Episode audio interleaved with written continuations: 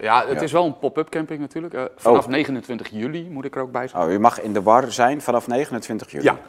Hey Google, mag ik vandaag de deur uit? En dan hoor je van Google Ja of nee. mag of niet. Ja, Ja, dat is ja. ook weer prettig. Ja. Dus, ja of nee? een boycott van Russische olie. Oh ja, Dat is ook... eh, ja. daar gingen wij toch zelf over? Als we die nou eens niet gaan boycotten, houdt de inflatie dan ook op, Menno? Nou ja, Denk je? ik denk het.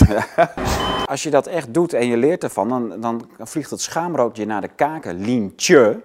En dan moet een publieke rectificatie komen en niet een mailtje van... eh, nee, ja, wij vinden ook niet dat de Blauwe Tijger een terroristische organisatie is. Maar, Ja, ja, dit- Zijn we nou weer vriendjes? Ja, dit is... eh, Ja. Nee, maar goed, die, die oude wijven daar, dat is echt gewoon... eh, het is tuig van de richel.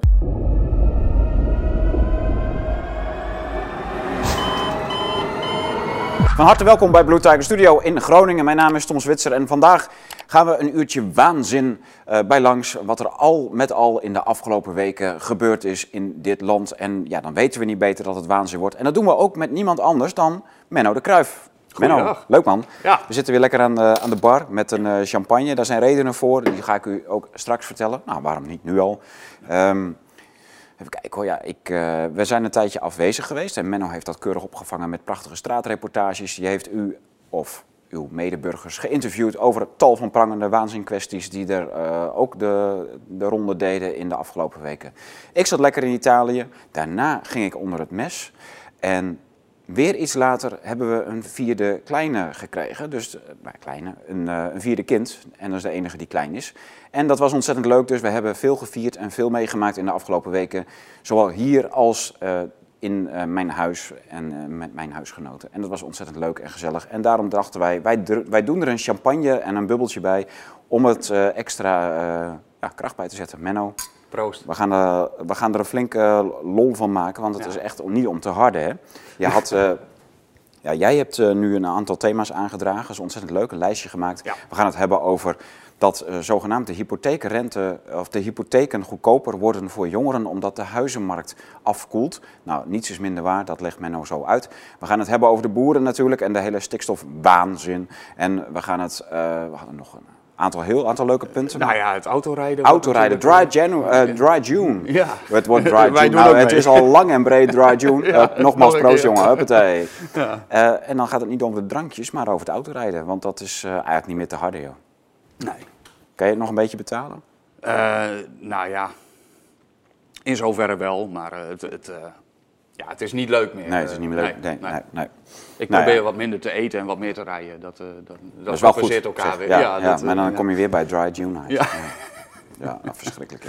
Ja. Mensen, we gaan even naar de boekenbreek. En daarna komen we bij u terug met de waanzin van de week. Tot zo.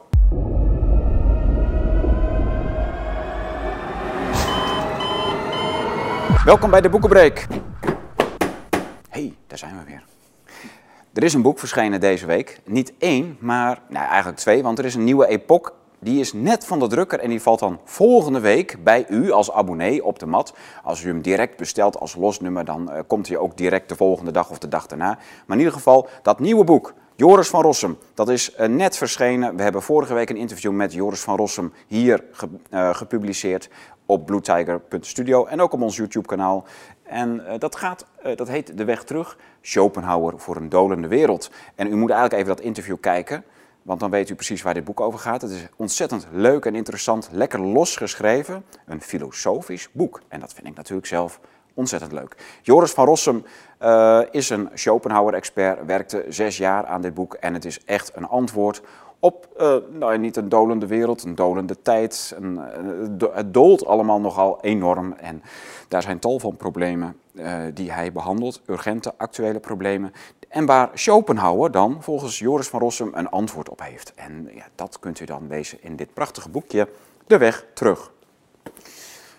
We hadden het al net even over Epoch Magazine. Daar is een nieuw, urgent, actueel nummer van verschenen. Epoch heet nu in juni The Great Game.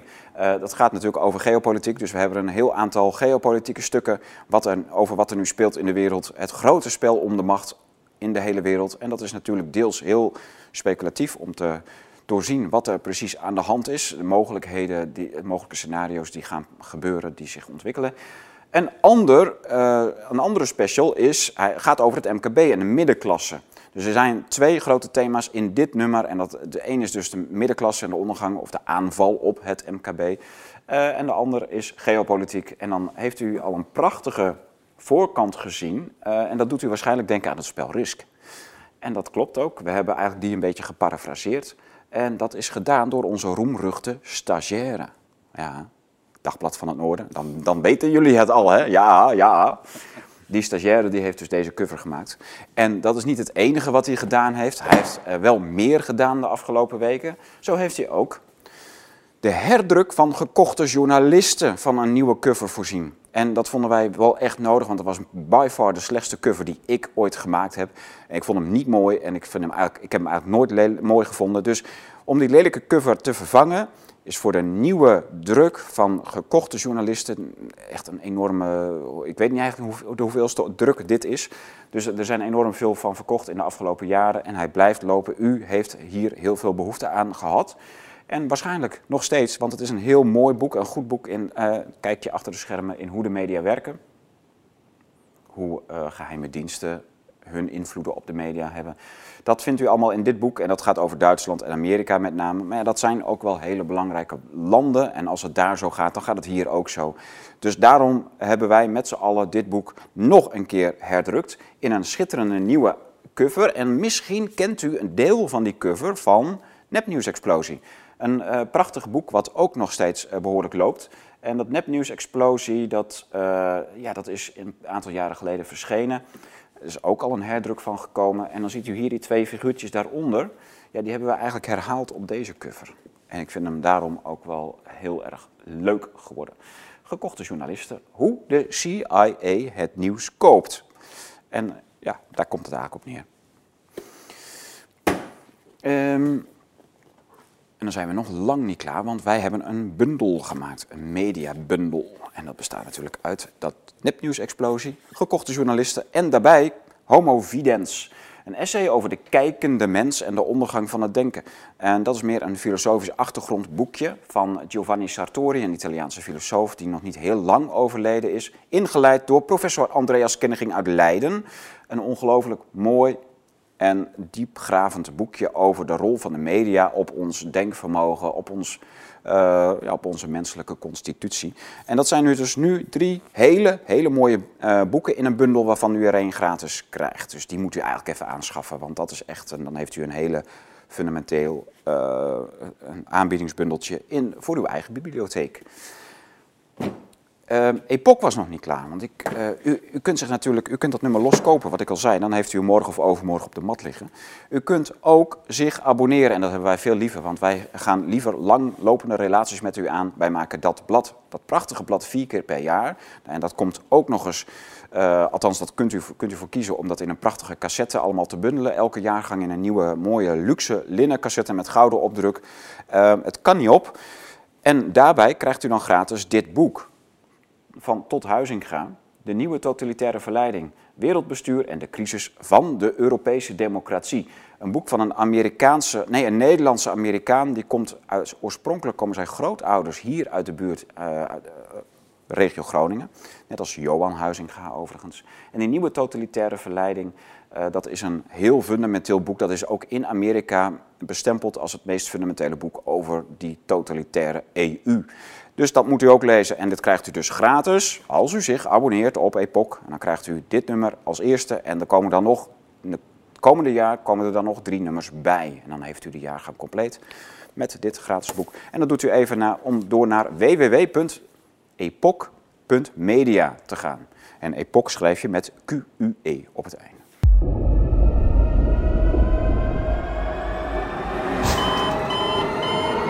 Nou, welkom terug bij uh, Blue Tiger Studio. Er was een hele lange boekenbreek. En dat was gewoon omdat we uh, daar gewoon... We hebben veel te melden en dat willen we dan ook even kwijt. Zo. Uh, en nu gaan we door met vanuit de waanzin van de blauwe tijger naar de waanzin van de dag. En dat doen we natuurlijk met Menno. lekker gezellig. Ja. Even tikken takken over allerlei actualiteiten. Waar wil je mee beginnen? Nou, er is natuurlijk, uh, we, zitten, we gaan van crisis naar crisis en het is probleem na probleem. En uh, gelukkig is er her en der ook nog goed nieuws, uh, Tom. Nee, echt? Ja. ja, ja. Dat, we hebben een waanzinblokje. Ja, ja, maar ja, kan, dat kan dit- niet.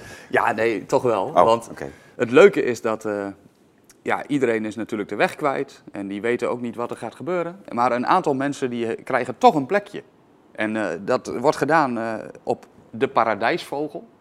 Oh. Dit wordt eh, in Nederland de eerste LHBTIQ Oh, wat geweldig. camping. Ja, Het, wel een pop-up camping op een bestaande camping. ja dit is wel een goed nieuwsrubriek. Ja, Dat er eindelijk eens iets Ja. voor deze achtergestelde en zwaar gediscrimineerde burgergroepering iets eh, gedaan wordt. Dus die krijgen een plekje. ja, Ah, Ja, dus nou ja, die, het, het leuke vind ik hieraan ook dat het. Er staat letterlijk in het artikel: het is een plek waar je kunt experimenteren met je genderidentiteit, waar je helemaal jezelf kunt en mag zijn. En Ah, toen ja. dacht ik, die twee dingen sluiten volgens mij elkaar uit. Maar ja, ja, als je moet gaan experimenteren met iets wat je nog niet bent, dan, Ja. dan wordt... hoe kun je dan jezelf zijn? Maar toch was dat even Of een leuk eh, punt. als je eh, nog niet weet wie je bent, eh, dan wordt het ook lastig. Ja, ja. dus eh, nou, maar een leuke tegenstelling. Maar dan zijn er dan ook twee plekjes op die camping voor mensen die nog niet weten wie, eh, zich zijn, wie ze zijn en mensen die het al wel ze- weten. als ze de ideologie goed volgen, dan mag je volgens mij elk plekje kiezen. Oké, ja. Ja. Dat, eh, ik denk dat dat helemaal goed komt. eh. Ja. nou, het was even een leuke, een leuke opstap naar eh, de rest van de waanzin Grappig. En eigenlijk. dat heet de paradijsvogel. Ja, Ja. ja. Ah, dat, is, dat is bizar, hè? Want die, die- alsof er iets, dat wordt dan weer helemaal romantisch geïdealiseerd, alsof dat echt paradijsvogels zijn. Maar dat zijn vaak hele ongelukkige mensen, natuurlijk. Ja. daar zitten weinig gelukkige mensen in, die, eh, in al die eh, 69 genders of hoeveel er ook zijn. Ik heb geen flauw idee. Er komen Ja. steeds meer lettertjes bij. eh, Ja, eh, dat ook. eh, ja, Ja. ja. Dan is het eh, volgens mij weer uitgewerkt en dan moet er weer een nieuwe categorie toegevoegd worden. Want ja, eh, dan heeft er weer iemand het gevoel dat hij er toch niet helemaal bij hoort. Ja, Dus eh, ja, ja. Dat, eh, Dan moet- moet er weer een hokje bij. Ja. Nou ja, goed. Hè? In het huis van de democratie zijn er vele hokjes. ja, dat dan weer wel. Ja. Ja, dat, eh, Daar word je al spontaan niet meer democratisch van, toch? Eh, Nee, ik, ja, ik, het is ook te veel om bij te houden allemaal. Ja. Ik word er echt gek van en ik wil het ook helemaal niet. Ik, ik hou het lekker bij de twee die er zijn, en, voor zover ik weet. ja. ja maar dat is ook al moeilijk. Het is best lastig, ja. Ja, Af en toe kom ik ook bijna in een identiteitscrisis. Maar Nou, eh, ja. gelukkig heb ik wel iets Ja. om op terug te vallen. Dat, Ja, maar dat, eh, al die ja. problemen die je er dan nog, nog extra zo bij eh, construeert in zo'n zo'n woke-circus, dat is echt... Ja, maar ik denk, het is natuurlijk ook gewoon een teken van alle andere problemen die er zijn. En mensen weten zichzelf denk ik bijna geen houding meer te geven. En eh, ja, dan moet je maar iets. Ja. Ja. Maar eh, goed, dus eh, voor alle mensen die in de war zijn, jullie kunnen nu naar de Paradijsvogel, een Ja. eh, soort camping of zo. En daar kun je dan op zoek naar jezelf of uit de war raken. Nee, je mag niet uit de war raken, want dan, ja, dan ga je natuurlijk zelf uit jezelf weg als je uit de war raakt daar. Als je nog verder in de war raakt, dan kun je er blijven. Als je in de war wil blijven, dan, ja, dan kun je er ook blijven. Ik denk het wel. Ja, het Ja. is wel een pop-up camping natuurlijk. Eh, vanaf 29 juli moet ik er ook bij zijn. Oh, je mag in de war zijn vanaf 29 juli. Ja, daarvoor is er nog even geen plek voor. Nee. Dan moet je nog even geduld hebben. Ja. Maar eh, ja, dat, eh, nou ja, Ja. helemaal leuk. Ja, dus eh, ja, nou ja, nou, we noteren de dag. Hè, 29 juli kunnen we met z'n allen lekker in de war raken en dan is er een plekje voor ons. Oké, ja, Menno. Nou ja, dan gaan we door. de, waarom het zo moeilijk is om de auto te laten staan. En eh, de automobilist eh, ziet het door een roze bril. Ja. Was de titel van een artikel. En eh, nou ja, dan geven ze een aantal redenen op waarom dat zo moeilijk is. Dat is dus onder andere omdat onze maatschappij ingericht is op autogebruik. Nogal. Nogal, inderdaad. Maar Ja. ook, ook, je bent ook, als je je werk kwijtraakt bijvoorbeeld. Hè. Kijk, de meeste mensen zitten- met een koophuis. Ja. En dan moet je dus solliciteren in een straal van hoeveel tientallen kilometers om je woonplek heen. Ja. Dan moet je doen, doen om je uitkering te behouden. Ja. Nou, als je dan je werk krijgt, ja, je, je, hebt gewoon, eh, je kunt niet zonder auto in dit land. En eh, ja, de alternatieven zijn ook nog weer niet van dusdanige kwaliteit dat ik zeg van... eh, Nee, Nee, Nederland is echt wel ingericht op autogebruik. En je ziet nu dus ook eh, ja, dat, eh, dat ze hard bezig zijn om dat af te breken eigenlijk. Ja. Ik heb wel een tip voor eh, echt verstokte autorijders. Hè. Als je dan echt denkt van ja, maar ik, ik, ik wil heel graag dat advies van Mark Rutte, dat ik laat die auto staan. Ik wil dat heel graag doen. Voor de verstokte autorijder is er wel een, een, een oplossing. Nou, Twee auto's hebben. Dan laat je er altijd één staan. ja, Ja, dat is dan wel weer Ja. een... eh, ja. ja toch. Ja, klopt. Nou ja, hun, eh, hun komen dus ook, eh, ja, ze beschrijven een aantal problemen. Maar ze willen nu dus mensen op speelse wijze kennis laten maken met het niet gebruiken van je auto. Hè, dat moeten we toch een beetje, ja, we moeten toch een beetje leuk houden met z'n allen. Ja. Dus wij gaan in, de, in het kader van, we hebben al Dry January, hè, dan mag er niet gedronken worden, Ja, schijnbaar. ja. Ehm, gaan we nu over op Dry June. Hmm. En eh, dat is de ideale oplossing voor iedereen die nu in de financiële problemen zit. Want ook aan de brandstofprijzen, hè, daar kunnen volgens zeggen van Den Haag, kunnen ze daar niks aan doen. Eh, dat, Nee, die we helft, hebben al die helft alle- accijns, daar kunnen ze niks aan doen. nou, nee, 70 dat, procent, zo'n beetje 65, 70 procent. ja. Eh, maar eh, daar kunnen ze. Ze hebben al aan alle knoppen gedraaid om het makkelijker te maken voor mensen. Maar het is helemaal op voor dit eh, budgetjaar. ja. Dus eh, helaas. Ja, maar ik vind het ook een beetje half kijk hoor. Als mensen dus beginnen over dat de accijns naar beneden moeten. Dat moet ook, daar ben ik wel mee eens. Ja. Alleen, kijk, dat marktpartijen gewoon echt als een kartel die prijs omhoog kunnen werken. Zogenaamd onder het mom van, oh, Rusland. Ja. Dat vind ik eigenlijk ook heel, heel erg kwalijk. Eh, Absoluut. en- en dus je moet ook gewoon die bedrijven afstraffen die dat doen.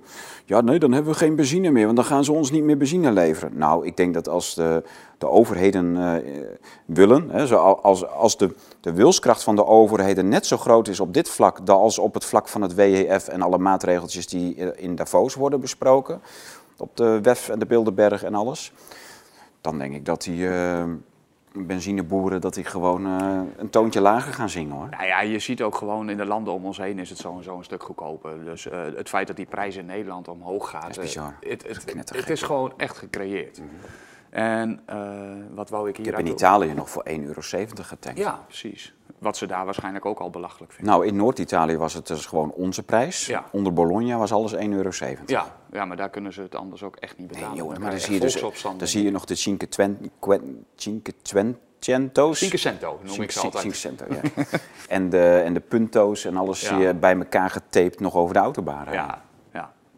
Maar eh, kijk, eh, de prijs van een eh, vat ruwe olie ligt ook nog steeds lager dan een aantal jaren geleden. Hè. Toen hebben we dat record en dat is nooit doorbroken tot nu toe. Nee, Dus ja, het feit dat nu die brandstof zo belachelijk duur ja, moet dat zijn. is dus is- gewoon allemaal weer kartelafspraken. Ja, Ja. ja. En dan moet dus de, eigenlijk de, dat, je hebt zo'n eh, eh, mededingingsautoriteit, die, moet daar, eh, die, die moet daar gewoon maatregelen of eh, ja, ehm, straffen op uitdelen. Dus die kartels die moeten gebroken worden. Want als het vat ruwe olie eh, dus gewoon zo goedkoop is, dan, dan weet je dus dat dat prijsverschil in, in onderlinge afspraken zit. Dat ze me- met elkaar die prijs opdrijven.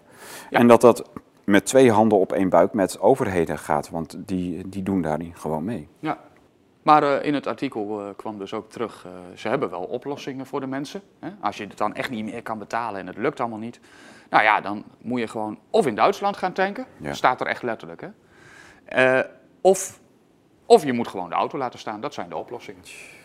Dat, eh, dus zo gaan we met de mensen om die het Ja. niet meer kunnen betalen. Ja. Ja.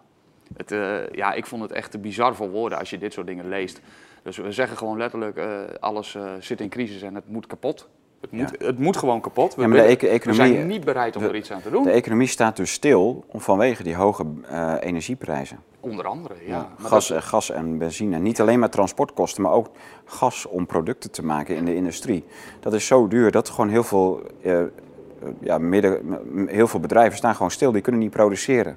nee, en daar komt bij, die, die zijn ook verplicht om die kosten. Want die, deze stijgingen zijn zo bizar hoog Ja. dat alles, iedereen die iets met transport of, of bijvoorbeeld ook in het loonwerk of andere dingen, die zijn gewoon verplicht om dit door te rekenen. Ja, Dus het wordt Klopt. voor alles en iedereen gewoon duurder en voor een gedeelte onbetaalbaar. ja. Het is echt, eh, ja. ja schandalig, joh. Ja, absoluut. En ja, daar, daaruit zie je ook gewoon dat dit, ja, dit is gewoon bewust. Hè? Dit is gewoon opzet. Ja. Dit moet gebeuren. Nee, maar helemaal als dus een mededingingsautoriteit eh, zwijgt in alle talen, dan weet je gewoon dat eh, die hebben opdracht gekregen, die mogen niks doen. Want dit is gewoon overduidelijk echt het kartel in actie. En dan, we- kijk, eh, het is, bedrijven zijn niet iets anders dan overheden. Het is eigenlijk gewoon één groot amalgaam. Dus ze- doen, ze, ze, alles ga- gaat in onderling overleg, dat zie je ook in Davos. Daar zit iedereen aan tafel en ze maken allemaal afspraken. De bazen van Shell en eh, Oh ja, Ja. dat is nog wel een leuk ding. Ah, nu, we, nu we het over Davos hebben. eh, daar zat ook de, de directeur van eh, Pfizer was daar, hè? Oh, echt? En Die heeft daar een hele leuke nieuwe mededeling gedaan. Nou. Nee, Hij schiet me ineens te binnen. Ik Nou. vond hem wel eh, grappig. Ja, eh, ze hebben nu eh, bij Pfizer eh, een nieuwe pil ontwikkeld. Ja. En daar zit dus, eh, in die pil zit een chip. En dat kwam hij vol trots vertellen. Ja. uh, basically biological chip that it is in the tablet. And once you take the tablet and dissolves into your stomach, sends a signal that you took the tablet. So imagine the applications of that uh, compliance. Uh, the insurance companies to know that the medicines that patients should take, they do take them. Uh, it is uh, fascinating what happens in, in uh, this field. Echt? Eh, ja, nou, Echt dat, waar? het was natuurlijk een van die leuke theorieën met het vaccin en andere dingen. Maar eh, nu is het dus werkelijkheid geworden. Kijk. Ze hebben dus een pil ontwikkeld met een chip erin. En wat kun je daar nou mee? Nou, op het moment dat je dus iemand medicijnen voorschrijft, ja, dan kun je daarna ook gewoon direct controleren of die wel genomen zijn of niet. Hè? Je kunt mensen dus verplichten en controleren. Dus als het betaald wordt door de verzekering of andere, je krijgt pas je geld terug als je hem ook op hebt. Dat kunnen wij zien. Want hij zit in je lichaam. Ja, en op het moment dat die pil oplost, zal die chip geactiveerd worden of zo. Ik weet Ja, niet ja. hoe ze dat bedacht hebben, maar Ja. eh, dat, en dat zat hij dus vol trots te vertellen. Dat had ook weer voor een stukje extra controle, Controle. en zekerheid Oh ja. zorgde. Ja. Ja. we moeten wel transparant zijn naar de staat. Eh, absoluut, Ja, maar de staat niet naar ons. Nou ja, Nou ja, dit is dan Pfizer, maar Ja. eh, ja, in Ze hoeverre- kunnen gewoon door je lichaam heen kijken. Dat, is, wat, ze- dat is ook wat ze willen. Ja. Controle of je. En maar dan komt dat, dat vaccin eh ID komt er natuurlijk echt wel. Hè, dat, wat na de zomer, dus in de stijgers eh, oktober of zo. Wat is het? Ja, eh, waarschijnlijk wordt het gewoon onderdeel van het eh, European Digital ID-systeem. Ja. En dan gaan ze in Nederland natuurlijk niet zeggen van wij verplichten dat, maar je kunt gewoon nergens meer Je heen. kunt niks meer. Nee, als jij straks nog wil reizen, dan is het gewoon. eh, ja, Ja. eh, Ja. ja. en dan, daar gaat alles in zitten. En dan hebben hun natuurlijk in Den Haag ook direct weer een mooi excuus om te zeggen van eh, ja, hè, we, hebben ook geen keus. We moeten wel. Ja. Ja, ik weet het ook allemaal niet. Maar Nee. dat, ik zie dat wel de weg. Ik denk niet dat ze dit ehm, in ons land zeg maar, voor elkaar krijgen. Hmm. Daar, eh, niemand zit daarop te wachten. Niemand wil het ook. Nee. Dus ja. Nee, maar dat dachten we ja, bij die vaccinaties. Die die zijn natuurlijk ook wel een beetje uitgemolken. Die vierde, Ja. die vierde booster of zoiets, die, die wordt door bijna niemand meer genomen. Nee. Ja, maar ja, kijk, er waren heel veel mensen die het nam, omdat, ik heb het ze letterlijk horen zeggen van ja, maar dat is wel handig, dan kan ik nog uit eten of ik kan naar het theater of kan nog dit en zus Ja. en zo. En uiteindelijk zijn heel veel van die mensen dus, van onze medeburgers, zijn zo pragmatisch dat ze zich hieraan gaan onderwerpen. Van ja, dan kan ik nog wel dit. Ja, maar het is toch wel handig dat. Ja, ik zie dat toch wel weer dat, de- dat de helft het eh, gaat doen. Oh, maar ja, kijk, als de helft het niet doet, is dat genoeg. En dan Jawel. ontregel je toch wel het land eigenlijk. Maar het punt hierin zit natuurlijk, kijk, we hadden in Nederland ook een, twee verschillende QR-codes. Hè? Je had de Nederlandse QR-code voor horeca, andere Ja. dingen, noem het maar op. En je had natuurlijk gewoon je Europese QR-code. Ja, En die had je nodig om dus te kunnen reizen. Dus daar zat wel verschil in. Ja. Die moest je dan speciaal ophalen. Even, eh. Misschien wel in dezelfde app, maar je had daar verschillende codes voor. Ehm, en dat op het moment dat ze dus gewoon vanuit Europa dat nieuwe digitale identiteitssysteem erdoor gaan drukken. En Europa plakt daar vaccinatiestatus aan vast. Ja. ja, dan zegt Nederland gewoon van ja, sorry jongens, daar kunnen wij ook niks aan doen. Maar je moet wel. Ja. Ja, en anders ja, eh, ja, dan moet je lekker in je eigen landje blijven. Ja, en dan krijgen we ook nog eh, dat hele CBDC-verhaal, Central Bank Digital Nou ja, Currencies. die wordt er eh, ook direct wat aan vastgeplakt ja, natuurlijk. Dus cash geld eruit, digitaal geld erin. Ja. En eh, ja, dan is het gewoon met één knop kun je iemand zijn portemonnee op slot draaien. Vroeger ging je, had je je sleutel van je eigen portemonnee, maar nu heeft eh, de overheid die. Ja, ja de, die kant eh, gaat het op. Dus gaat zelfs nog veel verder. Dus bedrijven die kunnen straks ook toegang tot bepaalde gegevens eh, krijgen over jou. En dan gaan ze dus, eh, kunnen ze zelf beslissen of ze je wel of geen diensten verlenen. Maar dat gaat nu al natuurlijk met banken en verzekeringsmaatschappijen en andere dingen. Ja, die ja, maar gaan dan, er, wordt echt, vastgeplakt er wordt echt een publiek dossier Ja. van, en dat kun- kan iedereen inzien. En dan, eh, of tenminste bedrijven kunnen dat inzien, zeker de grotere. Ja. Ja. En eh, als je het heel goed doet en je hebt ook een smart home en alles, dan loop je straks uit je bed naar beneden en dan zeg je: Hey Google, mag ik vandaag de deur uit? En dan hoor je van Google Ja of of het nee. mag of niet. Ja, dat is ook weer prettig. Ja, Dus, ja eh, of nee. ja. ja. ja, nou, ehm, dit was even een kleine afdwaling Nou. op het eh, autoverhaal. Ja. Maar, eh, ehm, Ja, maar- het leuke is natuurlijk eh, dat we dus... eh, ja, we hebben een maatschappij die ingericht is voor het gebruik van de auto. Nou, eh, dat is... eh, nou hebben ze daar natuurlijk uiteraard... hij kan niet missen, ook een... een verkeerspsycholoog bijgehaald. Oh. Eh, ja, ja, want eh, het is natuurlijk moeilijk om zomaar de knop om te zetten en Ja. niet meer auto te rijden. moet wel even ja, bijgezegd worden dat het goed is voor ons. ja, ja, ja, want gewoontes zijn, ja, mensen zijn gewoontedieren en gewoontes zijn hardnekkig. En eh, dus ze hebben daar een verkeerspsycholoog bij gehaald. En die zegt dus, het is lastig om de mensen de auto uit te krijgen, maar niet onmogelijk.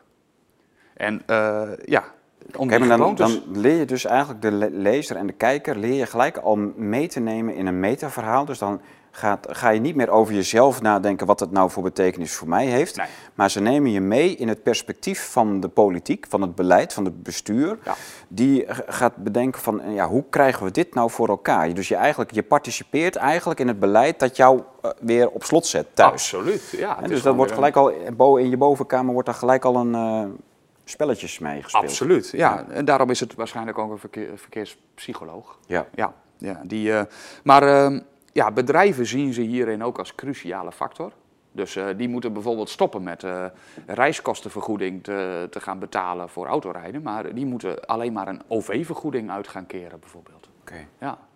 Ja, en dan is het verder aan jou. Ja, dat je dan... eh, Je mag autorijden, maar dan dok je dat zelf. ja, precies. En dan is het natuurlijk ook zo, als jij nu eh, een uur eh, naar je werk moet rijden, ik noem maar wat, of drie kwartier. Nou ja, en je moet een achturige werkdag draaien met een uur pauze ertussen. Dus je bent van acht tot vijf van huis af. Ja. Nou ja, dan zit je dan nog een keer daarna anderhalf tot twee uur in het OV. Dus je bent gewoon 12 tot 14 uur van huis af. Ja, wat een echte Amerikaanse Ja. toestanden. Van, dat Ja. mensen uit die voorsteden twee uur heen en twee uur terug eh, kachelen met eh, metro's en treinen en weet ik zo. Ja, nou, het past wel weer goed in de agenda van ook weer eh, de vernietiging Ja. van het gezin natuurlijk. Dat Precies. is ook weer prettig. Ja, en, Dus bijkomend voordeel voor hun, denk ik. ja, Ja. en- en mensen komen, die raken ontwend aan het idee van, van een rust. Hè, die hoppen van steeds maar van, slapen doe je alleen nog thuis. Maar wie daar nog thuis is, ja, een, een toevallige tijdelijke partner en ja, soms is er een, een kind. Nou ja, goed. Ja. Ja. Ja. Maar ja, die gaat ook zijn eigen gang wel. Ja. Ja, dus het het is echt, ze maken van het leven gewoon één grote cynisch eh, ja, beer, beerput gewoon. Het wordt er niet leuker op. Nee, hè? Nee. Nee, nee. Maar ja, dat was dus het, eh, ja, het verhaaltje over eh, nou ja, hoe, eh, dat de automobilist een roze bril heeft. Dat, Ja. dat was eigenlijk de... Ja, wij, wij, hebben, wij Ja. lijden aan roze brillen. ja, Ja. absoluut. Dan hebben we eh, een eh, aantal artikelen ja, over eh, inflatie, recessie. Het hoge woord is er wel uit trouwens. Het staat nu in de krant dat ABN AMRO en Rabo zien, zien volgend jaar waarschijnlijk Nederland voor korte tijd in recessie belanden. Oh. Oh, Maar dat zijn we dan nog niet. Zijn, zitten we nog niet in nee, recessie dan? We zitten nu in een inflatieperiode en inflatie leidt tot recessie. Juist, Dat oh, is de, ja. ja. Maar eh, We zitten toch al, al 14 jaar in een recessie van je welste. Ja, nou er, is, ja, er is geld bijgeprint als, als een malle. Ja. Dat is alleen maar blijven hangen bij banken. Dat is nooit terechtgekomen aan, bij, bij- aan de onderkant bij de mensen zelf. ja, banken en, en natuurlijk eh, alle, alle eh, megacorporaties Ja, hè, die gewoon die- groter als landen zijn. Maar die, die eh, verkapte ja. inflatie, die is, ja, misschien al sinds de euro is die aan de gang. Is, het is een waanzinnige, lange, lange... Maar eh, het leuke Recessie. vond ik wel de, de oorzaken voor de eventuele korte recessie die we gaan krijgen. Nou, Dat, eh, dat zijn eh, de hoge inflatie en een boycott van Russische olie. oh ja, Dat is ook... ja. daar gingen wij toch zelf over? Als we die nou eens niet gaan boycotten, houdt de inflatie dan ook op, Menno? Nou ja, Denk ik denk het. zeg het maar. Maar eh, ja, ik, We kunnen ook andere dingen boycotten hoor, politici of... eh, ja, maar ik, Ja. als ik zoiets lees ook, hè, want ik weet, eh, banken zijn bang om met de term recessie, want dat maakt mensen bang. En Oh. bange mensen die, ja, die gaan alternatieven zoeken en niet meer ja, investeren. het maakt de beurzen onrustig. Precies, ja, nou ja, ik, nou gok ik dat die al redelijk gecontroleerd zijn in zoverre dat het ook niet meer zoveel Waarom? uitmaakt. Maar als, als de banken zelf zeggen dat ze wel een recessie zien aankomen, ja, dan kun je er natuurlijk gewoon van uitgaan dat het al veel erger is als Ja. dat.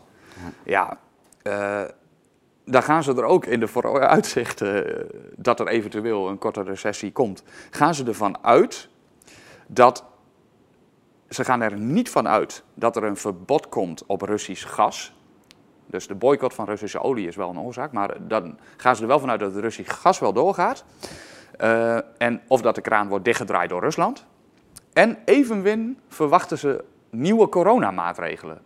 Mocht een van die twee situaties wel gebeuren, Dan is het helemaal... ja, dan, eh, dan, is- gaat- ja, dan gaan ze de voorspelling bijstellen, hebben ze gezegd. dan krijgen we een winter des doods. Ja, Ja toch? ja het is echt Oké, helemaal niks meer. Geen, Nee. ja. Ja. dus met andere woorden, ze gaan eigenlijk uit van het gunstigste scenario. Ja, dat is, eh, ja. ja. Maar hé, hey, we hebben ook al nog altijd Gronings gas, Menno. Nee joh. Wij, wij mogen wel kapot. Hè? Nou, Ja. Om in het kader even van eh, banken en financiële sector te blijven, hebben we ook eh, er stond ook in de krant dat de hoge prijzen eh, raken ondertussen ook de middeninkomens hard. Verwarming uit, geen vakantie. Dus dat betekent eigenlijk dat ja, iedereen die laag en modaal verdient, ja, die zitten al in de problemen eigenlijk. Zeker. Er zijn al heel veel mensen die kunnen of hebben moeite om de gasrekening te betalen, zeg maar. Die kunnen dat al bijna niet meer doen. Eh, om fatsoenlijk boodschappen te doen. En eh, het is bezuiniging na bezuiniging. De vakantie wordt geschrapt. De verwarming gaat inderdaad uit, al dat soort dingen. Nou, in de zomer is dat iets minder, maar ja, in de winter eh, wordt dat wel weer een ding. Zeker. Eh, ja, en nu gaan dus ook de middeninkomens aan de beurt komen. En dat zie je dus echt. eh, de voorspelling, 1,2 miljoen huishoudens hebben het al moeilijk nu. En dat kan eventueel oplopen naar 2,5 miljoen. Dus dat is gewoon een verdubbeling nog. Eh, die zien, dat, ja, dat zien ze wel gebeuren. Ja, maar met deze energieprijsstijgingen Ja. eh, krijgt de helft van Nederland minimaal krijgt het moeilijk. Ja, want je hebt het dus over huishoudens, hè? niet Huishoudens, mensen. ja, maar hoeveel? We hebben 11 of 12 miljoen huishoudens, denk ik, of niet? Zo, ja, volgens mij is het niet eh 2,5 per huishouden, zoiets gemiddeld? Ik dacht minder, 1,6 of zo. Maar oh ik, ja, weet- ik, is wist, dat- ik weet het niet zeker hoor. Oké. Nou, dat we is gaan even het, we een gaan het eh, discu- uitzoeken ja. en we zetten het in de film. Ja, dat, eh, Ja. dus, maar eh, de oorzaken hiervan, eh, ja, dat zijn dus natuurlijk energie, brandstof en boodschappen. Mhm. Nou ja, en wat ze dus zeggen is, wat er gebeurt is dat mensen nu interen op spaargeld. Eh, tandartsbezoeken worden overgeslagen en vakantiegeld gaat op aan het betalen van rekeningen. Ja, Dus je ziet gewoon het extraatje, het kleine beetje plezier wat mensen eventueel nog zouden kunnen hebben. Dat Ja. gaat nu gewoon naar de gasproducent. Ja. Of naar de gasleverancier. Of aan de pomp, letterlijk naar de staat. Eh, ja. Of naar die Jumbo. Hè? Die, eh, die vinden het ook allemaal. eh. ja. Dus ja, het, ja, het wordt gewoon voor heel veel mensen. En dit is ook een beetje om terug te komen op het gesprek wat wij de vorige keer hadden. Toen zei ik dus ook letterlijk van ja, je zit nu thuis na een week werken en je ziet alles langzaam van je afgaan. En dat is wat hier gebeurt. ja. Het, je ziet het gewoon verdwijnen, je ziet het verdampen. Ja. Alles waar je ja, voor werkt. verdampt, het staat stil. Nou, het is achteruitgang. Ja. Absoluut. Want nu kun je nog interen op je spaargeld. Maar er is ook geen verbetering aan de horizon zichtbaar. Hè? Dus je weet gewoon, als jij nu in moet leveren Nee. op je spaargeld en op je vakantiegeld, dat je daarmee je rekeningen moet betalen, Ja. dan weet je gewoon dat je volgend jaar in de shit zit. Ja. Ja. Nee, dat klopt. Maar gelukkig hebben we ook weer positief nieuws. Nee toch? Ja, Eh, krantenkop luidt als volgt: Huizenmarkt koelt af. Meer kansen voor jongeren. Nee, oh, Dit- Man.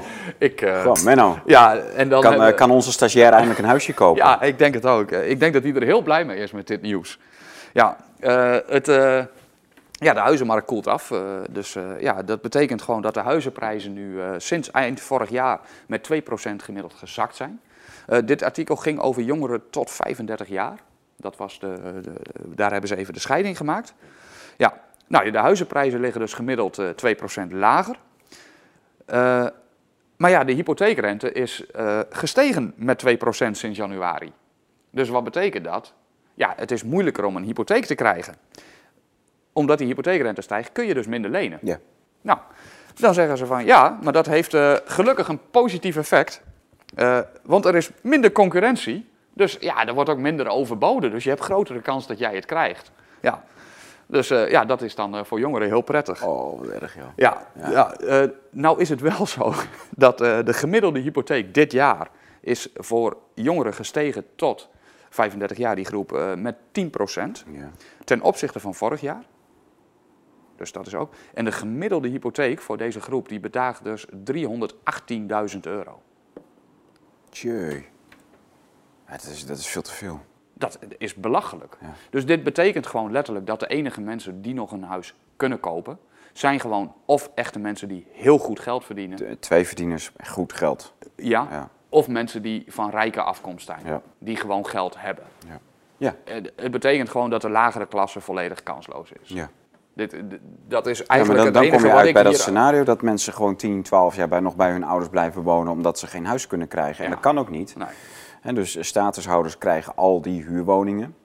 Eh, Gemeenten zitten met de handen omhoog, want die moeten van Den Haag dat doen. Dus die kunnen die huizen niet aan hun eigen eh, dorpsgenoten, do- stadsgenoten eh, doorgeven. Ja, Dus ja, het is, het is totaal slecht. En ondertussen Den Haag die doet net alsof het aan de boeren ligt dat we geen huizen kunnen bijbouwen. Ja, ja, ja. ja. Wat, ja daar komen we zo op, op die boeren met de stikstof. ja dat, Dat, is echt, dat is echt de waanzinklapper van, van de eeuw gewoon. De, nou ja, die hele klimaattransitie, eh, daar heb ik ook nog, hè, over het stroom gaan we het ook nog hebben. Maar dit hele verhaal, het valt, het valt nu al op zichzelf in elkaar. Je ziet het aan alle kanten, zie je het fout. Ja, maar de brutaliteit waarmee ze gewoon de gevolgen omdraaien. Dus, dus de conclusie is omgekeerd evenredig aan de feiten die ze de hemel in prijzen.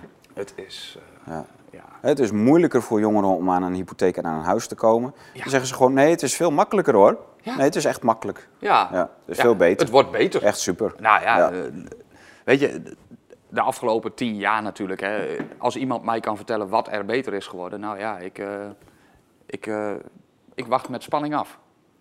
Oeh. Oh, hij gaat goed, hij gaat goed. Oh. Gelukkig hebben wij nog wel reden. Oh, ik neem jezelf ook nog wat. Tom. Ja, ik neem zeker wat. Ja. Nou, gelukkig hebben wij nog reden om champagne te drinken. We hebben hier, eh, hier intern hebben we nog Nou, wat ik- leuk ik, nieuws. Ik, heb nog een voorraad. Ja, Dus eh, als wij wat te vieren hebben, en dat hebben we, ja. dan, eh, ja, dan, dan trekken we gewoon die voorraad open. ja, lekker man. Ja. Ja. Nou ja, om even door te gaan naar het volgende punt over de banken. Over de banken- en hypothekenverhaal. er was ook mevrouw Kaag die, die dreigt met wetgeving. Banken die zeggen, kom maar op. Met, eh, met wat? Oh, Nou ja. wet, wetgeving. Ja, Welke ja, wetgeving? kom maar op met die wetgeving. Nou? Ja, eh, nou, die banken hebben zich natuurlijk gecommitteerd om zoveel procent van hun vermogen en eh, andere dingen eh, ja, te investeren in groene energie, renewables en, en noem het allemaal maar op. Ja. Hè? En ja, dat, dat gaat nog niet helemaal lekker. En die banken zijn terughoudend met daarin te investeren. En hoe kan komt dat uit. nou? Ja, het kan wel uit. Waarschijnlijk, want het Het draait allemaal op subsidie. en anders wordt het Ja. wel weer weggelobbyd op de Ja. een of andere manier. Maar het probleem is dat ze weten niet zo goed welke kant het nu opgaat met de klimaattransitie. Dus eh, ze vinden het nog lastig om te weten waar ze precies in moeten investeren. Op banken, voor banken gaat het nog niet snel genoeg. Eh, Dat denk ik. Ja. Dus wat eigenlijk die bank nu zegt is van, nou, wij vinden dat wel prettig. Kijk, het duurzaam investeren van banken, verzekeraars en pensioenfondsen, dat, ja, die, dat is nog een beetje lastig, omdat ze nog niet helemaal weten welke kant het nou op gaat. Ja. Dus ja, we moeten, we moeten investeren in die dingen. Maar ja, dan vinden we het wel prettig als, als mevrouw Kaag ons dan ook vertelt waar we in moeten investeren. Ja, en, dat, en, en ze willen dus eigenlijk gewoon gegarandeerde omzet. Ja, Ja. nou, je zou het bijna, Of winst. je zou het bijna Ja, maar dat is toch alles met die, die, Ja. die hele renewable energy, die hele CO2-onzin. Ja. Alles, die hele groene agenda is één grote inkomstengarantie voor, voor banken, voor investeringsfondsen. De staat garandeert het gewoon. En, Precies. en nou liggen ze dus dwars, want ze, ze vinden de garanties niet hard genoeg. Of zo. Nou, nee, ze vinden het dus moeilijk, want je ziet nu dus ook, hè, een ander artikel is bijvoorbeeld het stroomnet zit vol. Dus ja, je zou Ja. kunnen zeggen, ik ga eh, zoveel miljard investeren in zonnepanelen of windmolens. Ja. Maar we lopen nu al tegen de problemen aan. Want die stroom wordt opgewekt, maar we kunnen het niet meer transporteren. Nee. Dus Nee, maar dat komt banken- dus door al die windmolens en zonneparken Exact. met hun enorme wiebelstroom. Ja, ja. En die banken die hebben dus ook gewoon het probleem, dat die zien ook die problemen ontstaan. Hm. En die weten nu natuurlijk niet meer waar ze hun geld in moeten investeren. Maar ja, ze moeten duurzaam investeren. Ja. Dus hoe prettig is het dan als de overheid gewoon tegen jou zegt, jij moet nu daarin investeren. Dat is toch veel fijner? Dan Ja, weet, zeker. Je, ja. Dan Dus weet dat- je gewoon dat het gedekt wordt. Dus dat willen ze. Dan weet je dat het gedekt wordt. Dus- ja, want je hebt, de- kijk, dat, de, de verplichting brengt. De, ver- als de overheid je dat verplicht, brengt dat dus een, eh, ook een plicht voor de overheid met zich mee. Ja. Exact. Je kunt geen verlies meer leiden. nee, op het moment op dat, dat dat in de wet vastgesteld Klopt. wordt, dan is het gewoon ja. ja. ja, Ja. Dus elk verlies moet ook door de overheid gedekt worden. Ondertussen zitten we dus met banken en investeringsfondsen die echt gewend zijn aan torenhoge winsten en eh, echt percentages van eh, zoveel keer de inleg. Weet je, echt waanzinnig. ja. En scheiden ze dus helemaal op de gewone kleine burgertjes die de hypotheekjes nodig hebben. Waar ze dus ook al over de gehele looptijd van de hypotheek cashen ze dus ook al 2,5 keer de koopsom. Hè? Dus stel je leent voor 3 ton en je sluit de hypotheek voor 30 jaar af, dan die looptijd die, dat- je, je bent echt 2,5 keer die 3 ton kwijt. Dus je zit op 7,5 ton aan die, dat je dat in die 30 jaar betaalt. Ja. En er zit natuurlijk ook inflatie en alles op en, al, Ja, en aan. Maar Maar dat hebben hun dat, meegerekend. doen hun, ja, dat hebben ze ook wel meegerekend. En daar doen ze ook gewoon aan mee. Want inflatie, deflatie is natuurlijk ook gewoon een kartelspelletje. Ja, ja. Dat, dat hadden wij vroeger in de middeleeuwen Nou niet. ja, inflatie is natuurlijk gewoon volledig gecreëerd. Nee. Hè, dat, Ja. Met het bijdrukken van geld is gewoon het creëren Ren- van rentepolitiek en bijdrukken. En Ja. eigenlijk is het gewoon pure diefstal. Niks meer, niks minder. Exact. Nou, Dus- heb, je, heb je weer goed gezegd, Menno. Ja, sorry, maar dat is het gewoon. Ja. Maar eh, dit, eh, ja, dit vond ik dus, wel- ja, het, en dat dit soort dingen dus ook gewoon in een krant staan. Kaag dreigt met wetgeving Ja. en banken zeggen, kom maar op. Ja, sorry, maar wat, wat, wat moeten we hiermee, weet je wel? Het is gewoon een, het is Maar als, onder dat, onsje als je dit, ja, Op deze en- manier wordt en, het gewoon... En als je dit al leest, hè, dat weten wij ook uit die hele SDG-serie die wij twee jaar geleden gemaakt hebben. Als je dit al leest, van Kaag dreigt met iets en banken geven direct antwoord, kom maar op. ja, eh, dan, dan weet je al van de een kopt iets voor en de ander kopt hem in. ja, Dat, dat, dat is allemaal voorgekookt. ja, exact. Ja. Dus, nou ja, dat, eh, ik zit er, nou ja, en om even hierover door te gaan, omdat we het toch over het duurzaam en het eh, verhaal hadden. Eh, in Noord-Brabant en Limburg eh, zit het stroomnet vol. Ja. En eh, ja, hoe kan dat en hoe erg is het, was de kop van het artikel. Nou ja, hoe kan het? Eh, Nou ja, dat is natuurlijk heel logisch. De vraag is groter geworden, dankzij de energietransitie. Eh, warmtepompen, elektrische auto's, Ja. verduurzaming, noem het allemaal maar op. Het vreet allemaal stroom. Het gebruikt allemaal stroom. Ons net is er niet op berekend. Mhm. Er wordt stroom opgewekt op velden met zonnepanelen op andere plekken. En het is niet naar de plekken te krijgen waar het nodig is. Nee. Daar komt het gewoon heel simpel op Ja, neer. En transport. maar je hebt bovendien een veel, op- grotere piekmoment. Dus die, ja. als er veel waait en veel zon schijnt, heb je overbelasting. Ja. Als het er even niet is, heb je gelijk helemaal niks. Exact. Ja. Ja. En op het moment dat het er is, En krijgen... vroeger met die, maar met die elektriciteitscentrales had je gewoon altijd aanbod. Ja. En men kon gewoon de knoppen heel langzaam bijstellen als het ietsje minder vraag was of ietsje meer. Maar alles was gewoon gelijkmatig. Ja, De afname en, de, en het aanbod. maar het is, niet, het is dus absoluut niet zo dat er te weinig stroom wordt opgewekt. Hè? Het punt is gewoon, ze krijgen het niet op de plekken waar het nodig is. Dat is gewoon het hele probleem. Hm. En dat zie je, en daardoor wordt dat net natuurlijk ook overbelast. Wat voor Kijk, gevolgen heeft dat dan? nou ja, het gevolg heeft gewoon dat de stroom gewoon voor niks wordt opgewekt. Zeg Maar zijn, worden er al mensen afgesloten van de stroom? Hoe gaat dat? Nee, wat ze, wat ze dus eigenlijk zeggen is, er worden op dit moment, mogen er geen nieuwe aansluitingen meer verleend worden voor bedrijven. Dus op het moment dat jij nu een nieuw bedrijf in Noord-Brabant of Limburg wil starten, krijg je gewoon geen aansluiting. Dus weer een aanslag op de economische groei? Absoluut. En bestaande bedrijven kunnen gewoon niet uitbreiden. Dus als jij een nieuwe loods neer wil zetten en jij moet daarvoor jouw stroomaansluiting veranderen, kan dat niet. Dus, die krijgen, dus het gaat ook weer ten koste van de ondernemers, het MKB Ja. en ook weer de mensen. Ja. Dus een nieuw groepje in de meterkast, dat mag niet. Exact. Ja. Jeetje. Ja, dus jij kunt je aansluiting niet vergroten en je kunt ook geen nieuwe aansluiting Ja, krijgen. ja. Nou ja, eh, een oplossing hiervoor kan duren tot 2032. Maar tegelijkertijd weet ik vanuit Groningen dat maar als je als ondernemer groeit en verhuist, dus je gaat er bijvoorbeeld een nieuwe vestiging openen, of als je gewoon helemaal nieuw begint en je gaat er zo'n zo'n loodsje neerzetten, dan word je ook al verplicht om de zonnepanelen en warmtepompen naast je bedrijf te zetten. Je dak moet vol liggen, je moet helemaal groen en, en, en kli- klimaatneutraal en zo eh, gelijk al starten. Dat brengt al zo'n financiële eh, eh, last met zich mee dat eigenlijk heel veel mensen al niet kunnen starten.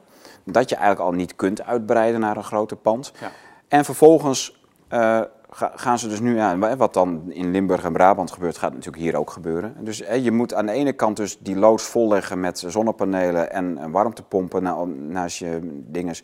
En dan vervolgens zeggen ze doodleuk tegen je van ja, maar je, mag geen, eh, je krijgt geen elektriciteit aansluiten. Ja, nou, het, het punt is wel in deze, eh, met die zonnepanelen, als jij die op je eigen dak legt, is natuurlijk, die, voor eigen gebruik is het altijd goed. Nee, want, nee, want je levert niet voor eigen gebruik. Je, je, je neemt, eh, dat heeft Marijn Poels in, een, ehm, in, die, ehm, Ja, maar ik in een van die docus. Ja, nou, doe maar, want ik, ik denk dat ik weet waar je naartoe gaat. Ga, maak maar af. Ja? Ja. Je zou zonnepanelen neer moeten leggen voor eigen gebruik en ook gewoon niet terugleveren aan het net. ja, maar dat is dus heel lastig. Nou, dat is best wel te doen. Kijk, ik weet in Amerika, Tesla heeft daar bijvoorbeeld ook oplossingen voor. Jij kunt gewoon een set bij je thuis krijgen en daarmee kun je dus overdag stroom opwekken. Jij kunt dat opslaan en dat kun je ook gebruiken. Op, dus op het moment dat het net uitvalt, ja. Kun je dat als... Ja, Maar voor ondernemers is dat gewoon qua starterskosten, is dat, eh, gaat dat verdubbelen. Dit is, kijk, Zo commercieel gezien duur. is het is om zelfvoorzienend te zijn. Zou Ja. het heel mooi zijn. Ja. Ja? Wat mooi is, hè? zelfvoorzienendheid, ik zou het ook heel graag willen. Ja. Dus dat, dat, vind ik, dat vind ik ook heel mooi. En dan word je natuurlijk gedwongen door de hoge gas- en energieprijzen. Maar Ja. het is heel mooi om te zeggen van oké, die aansluiting aan de weg die gaat doormidden geknipt worden omdat wij alles zelf kunnen doen. Maar dat mag niet, hè? En dat mag niet eens. Nee. Oh, Nee, je bent verplicht om een aansluiting te hebben. echt? Voor nutsvoorzieningen Ja. eh, is het, ja, bepaalde dingen, volgens mij mocht je nu het gas wel afsluiten, maar daar betaal je ook nog weer voor. Dat was ook, eh, maar er zijn bepaalde nutsvoorzieningen die jij verplicht moet nemen, omdat wij met z'n allen natuurlijk gewoon betalen voor. Ja, nuts. En Ja. we zeggen, ja, we doen het samen. Het is een soort volksverzekering. Ja, ja, Ja. ja, Jeetje. ja. Ja. Dus dat. eh, Dus dan ben je helemaal haantje de voorste met je eigen autonome energiesysteem. En dan word je weer afgestraft. Ja. Dan mag je niet van het gas af. Precies. Ik, eh, ik doe even een sigaretje van. Ah. Geen sigaar, toch? Nee. Maar eh, ja, dus eh, nou ja, van het gas af, eh, we hebben dat in een van onze winkels ook, omdat we daar geen gas gebruiken. Wij hebben daar verwarming via airco en alles. Dus, en daar zit ook geen kookgelegenheid of andere dingen. Dus daar bouwen we dan het gas afsluiten. Hmm. En dat is uiteindelijk wel gelukt, maar daar betaal je dan ook nog weer een redelijk bedrag voor. Om af te sluiten. Ja, ja. absoluut. Ja. Ja. Ja. En als je dan... Dat is, erg, joh. Dit. ja, ja, ja. Maar, eh, dus dat, maar in zoverre... Maar ja, in Limburg hebben ze dus echt gewoon een probleem. Ja. Het, eh, ja, en eh, dat zou En je... het is wel, en Limburg is wel een klein economisch motortje van, eh, Of Bra- voor, voor ook Ja, om, eh, maar omdat vanwege de ligging. Weet je, kijk, eh, Ja. Amsterdam en Rotterdam en alles daartussen, dat is natuurlijk een enorme economische motor. Maar Limburg is qua, trans, qua ligging is het gewoon een heel, hele gunstige plek, internationaal gezien. Ja. En, en Brabant eigenlijk ook wel. En eh, dat, dat maakt dat als je, daar, ja, als je dat al stilzet vanwege eh, dat het net het niet aan kan. Ja, dat, er is echt wel serieus wat aan de hand dan. Ja. Ja, absoluut. Ja, dus eh, ik, en dit wordt dus ook, want eh, dan zeggen we nu, we zijn nu autorijden aan het ontmoedigen. Hè, Mhm. En in ieder geval fossiele brandstoffen, andere dingen.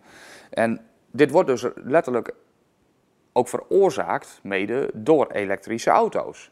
Eh, en warmtepompen, En die meneer Hugo de Jonge dus wil verplicht... eh, Die vreten ja, energie. maar vanaf 2026 worden die dingen dus verplicht voor iedereen die een nieuwe ketel moet of iets Ja, anders. ja.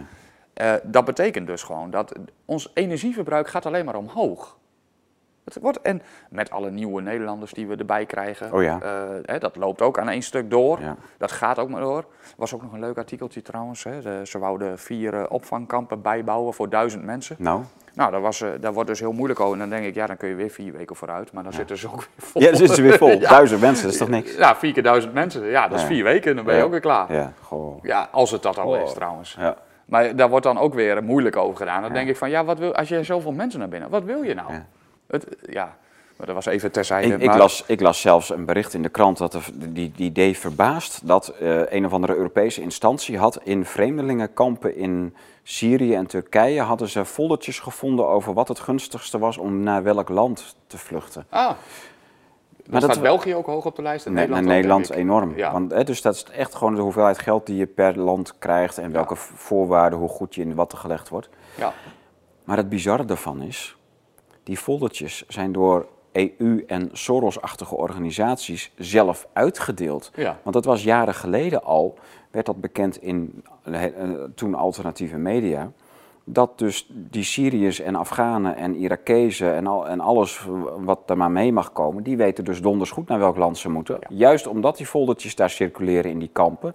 Die worden uitgedeeld door EU-organisaties en, en, en van, de, van die Soros-achtige NGO's. Ja. Dat zijn allemaal en geen NGO's, dat zijn GO's. Dat zijn allemaal gouvernementele organisaties. Ja. Dus die, die worden gewoon allemaal gelokt. Er worden allemaal snoepgoed en spiegeltjes en kraaltjes uitgedeeld. En, en dan zeggen ze, ja, maar daar in dat land staan er tonnen vol. Dan kun je, kun je helemaal vol stoppen met spiegeltjes en kraaltjes. ja. Maar ja, dit weten we allemaal al lang Ja, natuurlijk. Dit, is- ja, dit wordt gewoon georchestreerd, Menno. Nou ja, die, kijk, die hele. Het is gewoon immigratie. Ja. Het, zijn, het is geen eens vluchtelingen bijna. Er, er moeten gewoon meer Nederlanders komen. En het moet Ja. gewoon, ja, hoe verdeelder een volk is, hoe makkelijker je ook Dat- alles dat- kan doen Dat was ook wil. zo leuk dat, dat Philip de Winter bij Omroep eh On kon, iets kon zeggen over de omvolking. Ja, ja, En dat is nog steeds is de, is heel Hilversum van over de rooien. ja, Een week later, Abdelkader Benali in dagblad Trouw, ja. die zei gewoon ja, dat de omvolking kon hem niet snel genoeg gaan. Mm. Nou, dat vond iedereen prachtig. Ja, ja, het is natuurlijk... Dus als je links bent en je hebt het over omvolking, hè, wat je dan geweldig vindt, Ja, dan mag je dat noemen. Als je als, je als rechtse mens de, eh, het woord omvolking in de mond neemt, of je wordt verondersteld rechts te zijn, Ja. dus je bent daar kritisch op, op het begrip, dan ben je echt Hitler. ja. En Ja, dan, moet je, dan moet die hele omroep moet gewoon uit het bestel geflikkerd worden. Kijk, het is natuurlijk gewoon weer eh, het voor-tegen verhaal. Hè. Kijk, als jij iets positiefs zegt, dan is het allemaal goed. En als jij iets negatiefs zegt, Ja. ja. dan word je gewoon volledig verketterd. Ja. Dan moet je gewoon op de brandstapel. Dat, dat is gewoon het... eh, ja, maar de haat en rancune, die zijn in de afgelopen 30 jaar, zijn ze nog geen dag minder geworden. Het wordt echt elke dag alleen maar meer. Het komt wel vaak van de inclusieve kant, moet ik zeggen. Van de, van de, van de, van de deug eh, Ja. Teven, de deugleuven, de deug... De deug eh, Ja, dat, eh, Deugtuig. ja. Deugtuig. Ja, dat, dat woord zocht ik. Ja. Sorry. Ja, ik had hem even niet helemaal goed. Je had een paar andere ertussen. Ja, nee, dat, ja. eh, dat- dat- ja. Ik ben naar een eh, bepaalde dag geweest afgelopen zaterdag. Met, Ja. eh, en eh, ja, daar hoor je weer allemaal woorden en die leer je dan en dat blijft dan toch weer hangen. ja, Ja, nou ja, dat... eh, ja. Nou, daar heb ik, eh, nog, eh, ik heb nog eh, twee puntjes hier tussen zitten die weer terugkomen even naar het autoverhaal. eh. ja. nou ja, de, de, het, de overheid daagt de burgers uit dus om de auto te laten staan. Dat Ja. was ook een artikel. Ja. Prijs ging naar een nieuw record. Stijging zet waarschijnlijk nog wel even door, want ja, ze kunnen er niks aan doen natuurlijk. Nee, Dus ja. Ja, nee, eh, ja, we hebben al aan alle knoppen gedraaid, eh zei. Kaag. En eh, ja, de- helaas voor dit jaar is, is de koek op, mensen. Slik het maar en ja. ja. En het nieuwe asociaal, vertel. het laadpaalkleven. Laadpaal kleven. Je wilt toch niet, als ik nu even heel Ja. snel doordenk, je wilt toch niet zeggen dat, dat, dat de, de glorieuze de- deugdvoorhoeder van onze natie die in Tesla's rijdt, dat daar asociaal gedrag op komt, bij komt kijken? Ik kan het me niet voorstellen, maar het is toch echt een, eh, ja, het, het staat in onze waarheidsgetrouwe asociaal, media. wordt het echt gelinkt aan, deugd, aan het laadpaal kleven? Het is het nieuwe asociaal. Ja. Ja. Dus eh, ja, het, en dit ging, eh, dit ging over België, want in Nederland hebben we het al. Maar in België is het er nu ook door eh, dat je daar ook boetes voor kan krijgen. Dus Ja. eh, ze hebben ook weer een verdienmodelletje eraan vastgeplakt ja, natuurlijk. ja, want er eh, is niks te verdienen aan elektrische autorijders. Nee. Dus dan moet wel, eh, die, die moeten nu ook boeten. Ja. Ja. ja, en in Nederland kon dat al, maar in. België werd het nu ook mogelijk. Goh, Eh, nou, ja, dus, eh, Ik zou zeggen, welkom bij de echte wereld. Waar, waar alles heel veel geld kost en, en, en, en elke scheet die je laat, eh, moet je belasting op betalen of een boete op betalen. Dus je- ja. Ja, asociaal. eh, maar dat is net. kijk, wij, wij weten natuurlijk dat elektrische autorijders over het algemeen hele asociale mensen zijn. Want dan gaat het over dat belastingvoordeel. Het gaat over het de, de goedkope rijden. Hè, dus Subsidie. eh, sub- subsidie, maar ook elektriciteit is zo goedkoop. Dat hoor je altijd. Ja. Wij betalen die accijns op de benzine. Wij betalen de, de hele infrastructuur op auto's. Wij betalen de bijtellingen. Dat hoeven ze allemaal niet of minder te doen. Ze Ja. worden echt beloond voor hun gedeug. Absoluut. Maar dan, ja, de- dan, dan, dan vind je het gek dat dit soort mensen die echt elk voordeel uitmelken, eh, dat, ze- dat ze dan eh, ook nog denken gratis te kunnen parkeren. Door, eh, de Dat hele, is het ook door de hele, kijk, wij betalen 70 euro per dag overdag, overdag in Amsterdam. Ja. Of voor een middagje. Maar die mensen zetten gewoon hun auto bij een laadpaal, pompen die stekker erin. En die denken dan, hoppatee, weer 70 euro uitgespaard. Ja. Ja, Volgens mij was het in Amsterdam laatst, ik ben daar een tijdje terug een keer geweest. En eh, iets van 2,80 euro per kwartier. nou dan heb je niet in een... Ja, ja zoiets. Ja, per kwartier. Ja, ja, ja. Ho, ho. Ja, ja. En daar zit ook geen max op, hè? dat is ook nog grappig. Want dagtarieven doen ze ook niet aan. Ze zeggen ook niet, je kunt gewoon een dag parkeren voor Een 50 avondkaart euro. kun je nog kopen. Nee, dat kon niet. Nee? Die optie was er niet. Oké. Nee, die, eh, het, ik heb daar staan kijken en ik zat te kijken. En ik was met onze eh, stagiair. Ja. En wij zaten allebei te kijken. Is dit nou... Ja, we zien het echt goed. Ja. Echt verbazingwekkend. Ja, Ja. wij komen natuurlijk uit het boerennoorden, dus eh, wij, eh, wij zijn hier niet helemaal aan gewend. Wij zijn nog niet helemaal goed geïntegreerd in de Randstad. eh. Maar ja, uiteindelijk hebben we daar vijf, zes uur gestaan en waren we geloof ik 56 euro kwijt voor het parkeren. Ja. Het is, dus ik snap ook wel dat je dan gaat laadpaal kleven. Ik denk dat de boete, als ze, als ze een beetje is. schappelijk zijn, dan zijn ze goedkoper met de boete als een dag parkeren. Ja, plus je hebt het risico van dat je misschien een keer geen boete krijgt. Ja. Hè, Ja. Dus, de, ja. Ja, dat is ook dus weer dat je mooi. een keer eh, tussendoor glipt, Ja. ja, dan heb je gratis ge- gestaan de hele dag. ja. Ja, dit is bizar. Nou ja, ik was in Italië dus. Hè. en Het was heel leuk. Ik was met de auto. En hier, van hier naar Sicilië gereden, helemaal de zuidkust. En weer terug. Dus 7000 kilometer in 2,5 weken ongeveer. Ontzettend mooi. Ik heb er echt van genoten. Het was een van de mooiste reizen die ik heb gemaakt eigenlijk. ja. Maar dus je ziet in al die Italiaanse steden... en de, de, ook de meest toeristische dorpjes ook... daar komen auto's überhaupt niet in. Nee. Dus je, parkeert gewoon aan de rand. En je komt überhaupt oude centra als Rome en Florence kom je niet in. Nee. Eh, en eh,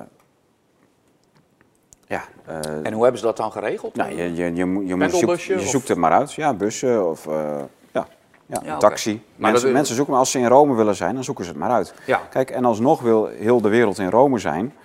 Want die rijen voor het Vaticaans Museum, inclusief gemondkapt en al, Ja. Die waren nog, nog steeds van hier tot Tokio. ja. Dus de, ja, mensen komen er alsnog wel. Maar in dat soort landen is het ook nog niet eens zo erg. Want inderdaad, eh, er staat misschien een taxietje. En die zijn ook gewoon betaalbaar. Is dat zo? Jawel. Oh, oké. Ja. Ja, ik heb het niet gedaan. Nou, maar een taxietje daar is prima te betalen. Ja. Over het algemeen. In Ik, eh, Nederland zijn die prijzen echt... Ik heb gewoon die boetes gepakt. Ik dacht van, Ja, ja, ik, dat- ga ik krijgen. hoor. Ja, dat is ook een optie. Ja. Ja, ja sommige, zo kan het ook. Ja. Eh, nou ja, om het record, eh, hè, we hebben dus de, het brandstofprijsrecord. Eh, we hebben ook een ziekteverzuimrecord. Ja, en Eh, waag het niet om het V-woord. ik, ik zal niet... Verzorging? Nee, ik ga er niet aan beginnen. Maar het is, nee, dat, ik ga die link absoluut niet maken. Die laat ik, ik laat dat helemaal Dat is open. een grapje, ja, ik weet het. maar ik ga die link ook niet maken, want eh, ik vind dat gewoon... eh, ik vind, het is te pijnlijk ook allemaal. eh, erg. Maar ik, ik hoorde dus ook, eh, ja, het is goed dat je het zegt, hoor, je hebt er nog meer tekst over. Maar Ja. ik hoorde dus ook van mensen melden zich ziek met een kuchje. Ja. Echt om niks melden mensen zich ziek. Nou, wat ik, wat ik op andere plekken wel meemaak, is dat er wordt nog volop gezelftest. Ja, En eh, er worden dus ook nog redelijk veel ziekmeldingen gedaan vanwege corona. Ja. Terwijl er ook een artikeltje in de krant stond van de week, ook weer grappig, die schiet mij nu te binnen, dat meneer Kuipers zei, eh, de ziekenhuizen moeten nu op volle toeren draaien, want we hebben nu geen corona en geen griep. ja, dus al die lijsten moeten ingehaald en opgeschoond worden. Precies, Ja. dat, zei, dat stond er letterlijk Ja, van. ja, ja. Dus eh, ja, Ja, moet je ook stoppen met testen als we geen corona hebben. Ja, maar mensen zijn dus ermee. echt nog gewoon aan het zelftesten. Ja. En eh, het ziekteverzuim in de zorg is eh, bizar hoog. Hmm. Eh, dat zat volgens mij even kleine wijzigingen daar behouden, maar rond de 11 procent. Ja, Dat was een van de hoogste. ja. Ga jij eens weg? ja. Maar en- ik heb toevallig heel wat tijd in ziekenhuizen doorgebracht de afgelopen anderhalf jaar. Ja, En de mensen die er werken zijn fantastisch. Maar ik hoor wel van ze dat eh, ja, de gevaccineerde mensen die. eh, of de ongevaccineerden werden natuurlijk heel erg gepest ook al. Werden echt onder druk gezet. ja. Ehm, bleven ze toch ongevaccineerd. Ik heb er een paar gesproken. Dan hoor je dat toch wel van ja, ik ben nooit ziek. Mijn gevaccineerde collega's hebben om de havenklap iets. Testen zich nog helemaal suf. En al die vals positieve testen, ja, blijven ze ook gewoon thuis. Ja. Terwijl wij ons helemaal lablazerus werken. En ja, we hebben gewoon nooit wat. Nee. Niet, niet meer dan vroeger, niet meer dan anders.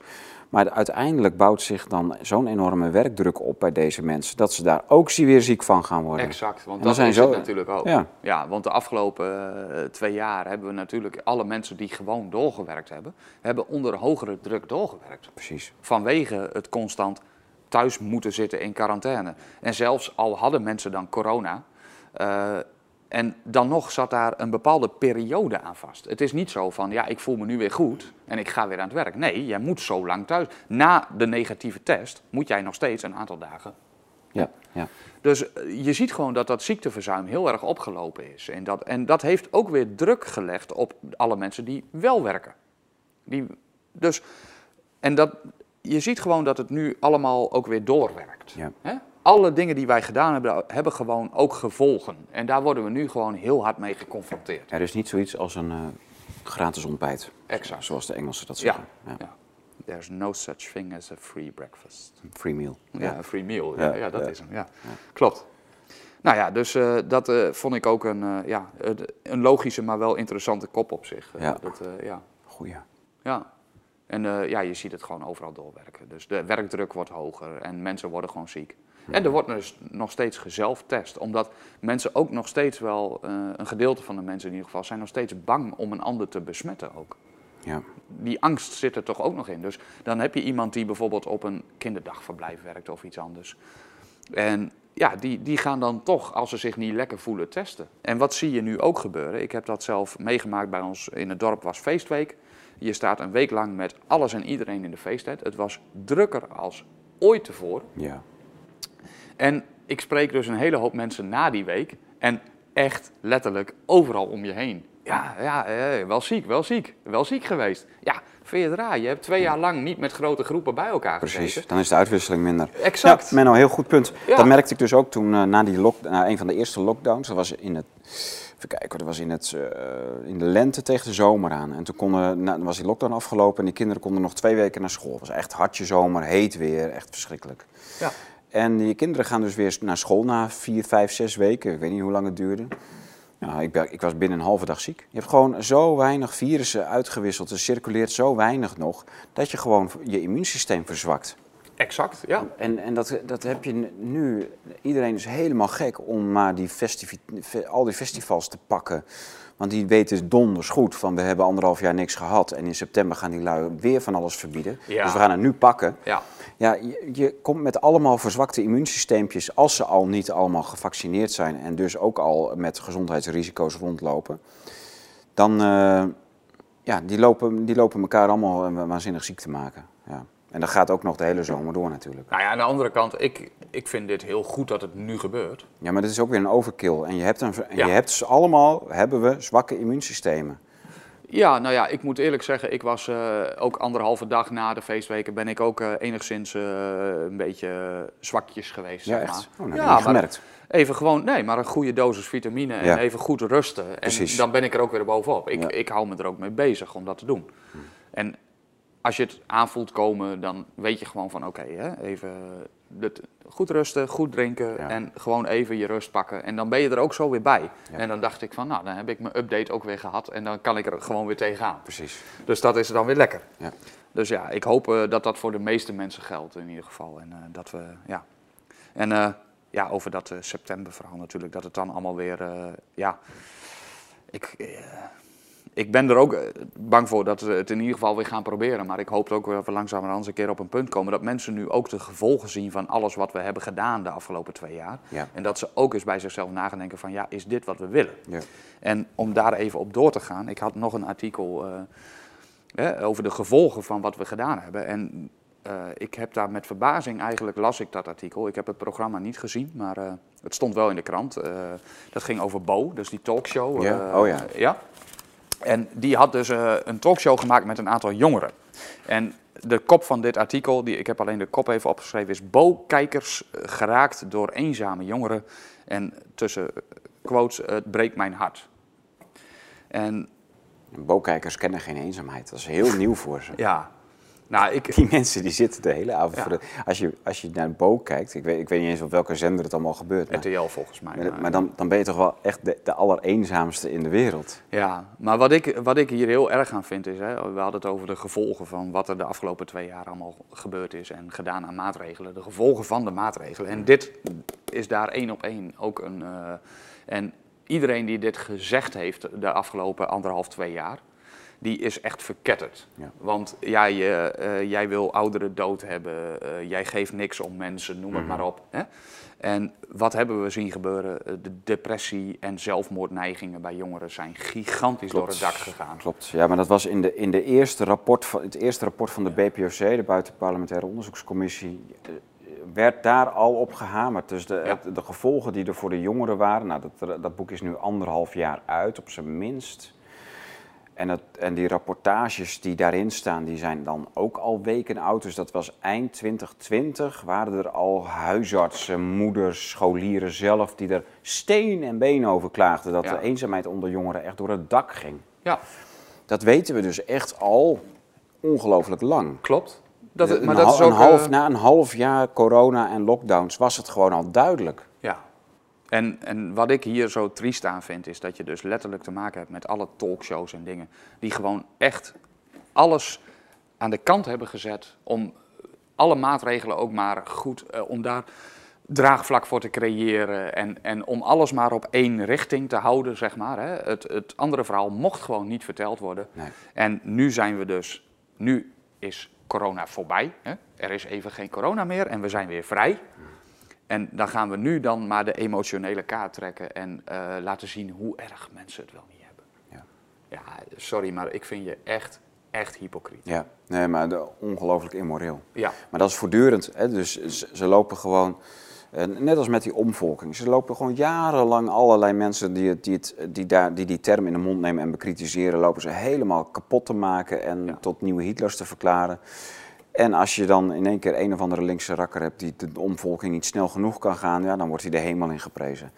Dus eh, het is gewoon, eh, zij mogen hetzelfde doen, zeggen, vinden als wij, maar bij hun is het goed en bij ons is het dan, dan ben je een nazi.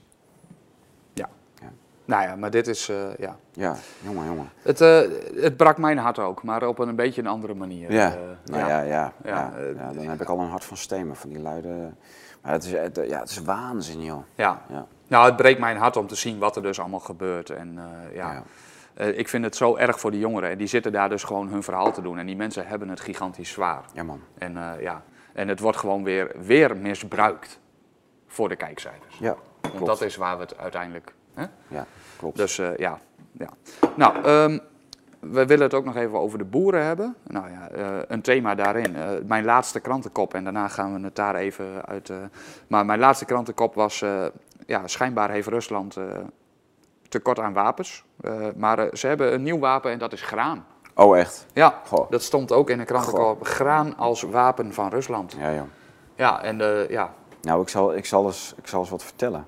Je hebt dus in de 19e eeuw, dat is de, dus deze epoch, die heet dan The Great Game. Ja. Die term komt uit de 19e eeuw. Dat was namelijk, The Great Game was een uitvinding van de Engelsen om hun concurrerende wereldrijken kapot te maken. Dus je had de Russen, je had de Duitsers, je had de Oostenrijkers, de Chinezen, de Spanjaarden. Dat waren de grote wereldrijken. Die moesten allemaal kapot. En een van die instrumenten waar de Engelsen toen mee begonnen, dat waren dus eh, eh, zij, hadden dus financieel alles in handen. Hè? Dus zij konden markten manipuleren, voedsel. En eh, de Russen, het Russische Rijk, dat was, die, voor hun was net als nu graan echt een heel belangrijk eh, dingetje. Er was nog geen gas en olie. Dus de, Russen, de Russische welvaart was gewoon nog steeds, of toen was dat toch best wel op graan eh, gebaseerd. En met name de Oekraïne, waar eh, de Russen hun graan vandaan haalden, maar ook andere de, daaromheen gelegen stukken. ja, En eh, de, de Britten hebben door manipulatie van de graanmarkt, hebben zij die Russen gewoon eh, echt grote slagen toegebracht. Door, door de graanprijzen te manipuleren. ja. En dat je nu het, het, het in je botte hersens haalt om gewoon te zeggen dat de Russen graan als wapen gebruiken. Dat Ja, doen ze helemaal niet. Het staat er Want de. Russen bieden gewoon dat graan aan. De Russen bieden gewoon het gas aan. De Russen bieden gewoon de olie aan. Ja. Nou ja, hier staat dus echt gewoon, eh, dat was die krantenkop, graan als nieuw wapen Rusland. Ja. Ja. Ja. Het, eh, het wordt gewoon gezegd. Ja. Ja. Ja, dus wat, wij, wat onze, onze bestuurs- eh, en onze politici en onze beleidsmakers allemaal pikken van, van hun eigen kartel. Olieprijzen, gasprijzen gewoon kunstmatig omhoog. Hè, terwijl de, de, de vatprijzen gewoon nog steeds hetzelfde zijn. ja, of misschien wel iets gestegen. Maar die, maar nog die fluctueren niet op, eh, dat eh, niveau als nee. dat eh, energieprijzen fluctueren. Absoluut niet. Dus die, de- in, in plaats van dat, dat gewoon keihard aan te pakken met antikartelmaatregelen, met mededingingsautoriteiten en gewoon forse boetes uit te delen, die prijzen gewoon, hoppatee, die gaan we gewoon zelf wel even bepalen. Als, als, als jullie die prijzen kunstmatig omhoog houden, nou, dan gaan wij nu vertellen welke prijzen er wel mogen. Nee, dat doen ze niet. Ze gaan gewoon zeggen, nee, dat is allemaal de schuld van de Russen. Want die bedrijven uh, graanpolitiek en, en gaspolitiek en oliepolitiek. Ja. De, Ru- de Russen willen niet, die, die hebben die hoge prijzen niet bedacht. Nee, maar Rusland levert wel, hè? Dat is het. Ja, Ja. ja. Daar hoef je niet bang voor te zijn. nee. nee. Dus ja, dat... eh, Nee, maar, de, Ru- de- maar, maar ze- het gaat nog verder. Dus de, onze energiebaronnen, oliebaronnen, die mogen dus gewoon voor recordprijzen en, en woekerprijzen mogen ze hun eh, rotzooi aanbieden. Maar dan zeggen we tegelijkertijd tegen de Russen, nee, maar jullie moeten wel voor de helft van de prijs leveren. Want anders dan gaan we jullie in onze media afschilderen als... eh, nou, ik denk eh, dat dat stadium ook al voorbij is. Want Rusland die zegt gewoon van ja... ja. Weet je, die- Maar het is echt knettergek, joh. Nee, maar die hebben, ik denk al vrij weinig meer te verliezen, zeg maar. Die zijn natuurlijk al compleet afgeschilderd als, als ja, dit is erger dan de Tweede Wereldoorlog ondertussen bijna. Zeg maar, de, de- ik weet niet hoe ik het... Kijk, die worden overal afgeschilderd als, als moordenaars. eh, en, Ja. En- men, men is al zeven, acht jaar bezig met keiharde anti-Russische Nou. politiek. Dus de roebelkoersen zijn gemanipuleerd door de dollar en door, en door, de, door de Amerikanen en de Britten. Ja. En dat doen ze nu ook met de Chinezen. Ze proberen gewoon echt met financiële, economische oorlogsvoering die landen op de knieën te krijgen. Nou, dat lukt ze dan niet. Ja, kijk, het, eigen falen moet natuurlijk altijd verhuld worden in schreeuwerij over de zogenaamde vijand. Ja. Nou, ik, ik, ja, misschien zei ik het net niet helemaal duidelijk, maar Rusland is natuurlijk gewoon compleet. Het, het, is het, het wordt afgeschilderd als het afvoerputje van de wereld bijna. Ja, terwijl het het enige land is naast het West wat gewoon hun zaakjes op orde hebben. Ze hebben grondstoffen, ze hebben brandstoffen, ze hebben energie, ze hebben eten. Ze hebben ook nog gewoon financiële eh, instanties, hè, ba- veel banken in, in Moskou en nog wel een aantal. Ja, ze, ze hebben een maakindustrie, hè, dus wat, wat wij eigenlijk alleen maar hebben in bepaalde delen van Amerika en in Duitsland en Italië. Gewoon echt, daar, daar wordt nog echt gewoon, wordt flink eh, innovatief eh, geproduceerd. Ja. Maar dat hebben de Russen ook. Hè? Ja. Die, hebben, die hebben echt alles gewoon goed voor elkaar. Nou ja, ik Als denk, wij een, een tomatenban gaan opleggen aan de Russen, ja, die lachen daar dan om. Ja, die hebben een jaar geen tomaten en het volgende jaar dan hebben ze hun eigen kassen. Ja, Ja, ja. Maar ik denk wel dat, eh, dat Poetin eh, met eh, de, de goudstandaard terugbrengen onder de roebel, ja, dat, dat hij daarmee een gouden zet heeft gedaan. Dat denk ik wel. Het, het is heel moeilijk om dat natuurlijk nu te kunnen. Maar Ja, ja. je ziet de roebel weer stijgen. ja. Hè, die is echt Dat is een knetterharde koers. Ja, Ja, ja, absoluut. En het Ook, grap- al, ook al heel lang eigenlijk. Mm, ja, nu weer een Weken, tijdje. Ja, weken is die aan het stijgen, ja. Maar dat heeft er natuurlijk mee te maken dat, eh, of dat heeft ermee te maken, maar het, wat wou, welk punt wou ik hierin maken? We gaan even een klein knipje maken. De euro en de dollar hebben geen harde standaard. Daar is geen onderliggende standaard Nee. meer die die waarde in stand houdt. En die worden dus ook bijgeprint als waard. Die is nergens aan gekoppeld. Die is nergens aan gekoppeld, niet meer. Nee. En nu dat de roebel weer ergens aan gekoppeld is, is die, gaat die waarde oplopen, want de hoeveelheid geld in het Westen gaat omhoog. Ja. Dus elke roebel wordt langzamerhand weer steeds meer waard. Ja. Je moet steeds meer gaan betalen voor die roebel. Terwijl eh, als je dat hebt als land, hè, dus dat hebben wij in, bij de euro ook een tijdje gehad, maar zelfs in de guldentijd hebben we dat een tijdje gehad, dat we de gulden heel erg steeg ten opzichte van de dollar. Ja. En dat veroorzaakt normaal gesproken een recessie, omdat je gewoon geen, je kunt dan eigenlijk geen handel draaien. Dus buitenland vindt het niet interessant. Jij dan, wordt onbetaalbaar. Ja, je wordt onbetaalbaar. Ja. En de grap is nu, eh, de Russische dingen worden onbetaalbaar, maar we nemen die sowieso al niet af, omdat dat alles onder embargo's zit. Dus we Russische producten, behalve olie en gas, voor de landen die dat nog graag willen, eh, ja, dat wordt, dat wordt dan ook onbetaalbaar door die harde koers. Maar het is fantastisch voor de, voor de roebel zelf, dat, dat, ze een, een hele, dat, die, dat die koers omhoog gaat. Juist in een tijd dat ze überhaupt niet van export afhankelijk zijn. Nee, en Europa heeft geen keuze. Wij kunnen niet stoppen met dat in te kopen. Nee, Want Duitsland gaat volledig op zijn gat. tuurlijk. Ja. En Nederland heeft Gaan dat ze ook doen, al... denk je? Gaat Duitsland dat doen? Door, door te zetten met die eh, embargo's naar olie en gas? Het kan niet. Nee, kan niet. Nee, nee maar, Het is geen optie. maar, maar onze bestuurders zijn zo knettergek dat ze het alsnog doen. Ja, maar de- zoals met de olie ook. Nu is volgens mij was het zo dat de pijpleiding is dichtgedraaid, Ja, maar het wordt gewoon per boten getransporteerd. ja vanuit Amerika naar hier. Russisch, hè? Russische Echt? Ja? olie. Oké, want Amerikaanse gas, dat komt ook in vloeibare Ja. vorm deze kant op. Dat, maar eh, nu hebben ze die pijpleiding geloof ik gedeeltelijk dichtgedraaid, of eh, mocht niet meer aan. Maar dan wordt het via een omweg toch weer hierheen getransporteerd. Ja, ja dat, er, dat er dus schepen via een andere doorvoerhaven dan wel via naar de EU mogen varen. Ja, Ja. zo ja, ja. En dat is dan uiteindelijk toch Russisch gas en olie. Ja, Ja. dat klopt. Ja. Dus het is gewoon echt, eh, ja, het is gewoon niet mogelijk. Maar het is ook lekker groen natuurlijk, hè? dus Ja. eh, via schepen. Heb je een, een pijpleiding liggen die stilstaat, leeg. Je, bedoel, je zet aan de Russi- Russische kant zet je een pomp aan en alles vloeit deze kant op. Maar nee, dat, dat mag dan niet, want dat is politiek niet gewenst. En dan gaan we het per schip gewoon vervoeren. En, en Rob Jetten staat met zijn handjes te klappen. Ja, nou ja, dan komt het natuurlijk via een of ander eh, Rusland-neutraal land. Ja. Wordt het dan toch weer hierheen gedaan. Ja, Want we boycotten Rusland wel, maar op het moment dat Rusland het ergens anders heen Ja, transporteert... dan wordt het in Griekenland overgeslagen en dan komt het eh, met een Grieks schip deze kant op. Ja, En dan is het Griekse olie. ja, Ja, absoluut. lekker man. Ja, Ja. ook weer te bizar voor woorden. Ja. Nou ja, en eh, dan eh, komen we uiteindelijk eh, als afsluiter van eh, vandaag. Maar ik heb ook nog NCTV. Die heb je, zullen we dat eerst doen? Weet niet. Wil je, of wil je daarmee afsluiten? Nee, Gaan dus we gaan afsluiten we, met gaan we, de mee, boeren, gaan we mee afsluiten met de NCTV. Ja? ja, en de versus de blauwe tijger. Versus. Ja. Nou ja, de, de, de trillende kinderen van minister Van Ark natuurlijk. Ah ja, Het, ah, ja. ah, ja, dat was wel heel zielig. Die boze boeren, die schurken, Ja, die rotzakken. ja. Ja het, ik vind het echt... eh, die boeren, het is... eh, tuig, is terroristen. Tuig, ja, terroristen. Ja, Ja. ja. foei. Ja. Foei. Ja. Foei jongens. Ja, het, eh, het is echt te bizar voor woorden. Te bizar. Dat je... Ja, maar het leuke is dus, die, die, van, die Van der Wal, die minister, daar gingen de boeren dus bij op bezoek. Ja. En later, nog, nog een paar uur later zat ze ergens op een eh, bijeenkomst zat ze te huilen dat haar kinderen eh, huilend en trillend in huis hadden gestaan vanwege dat bezoek. En dan zie je dus dat, uiteindelijk zie je foto's van dat gebeuren. En die foto's, die, dan zie je dus een enorme lange oprit van haar huis. Ja, Ergens, ze woont in een prachtige idyllische omgeving. ja heel mooi. Ze woont heel boers. Ja, En eh, zie je dus die lange oprit. En aan het einde daarvan staan die kindjes staan dus onder de carport. Eh, staan niet beslist echt te trillen en te huilen.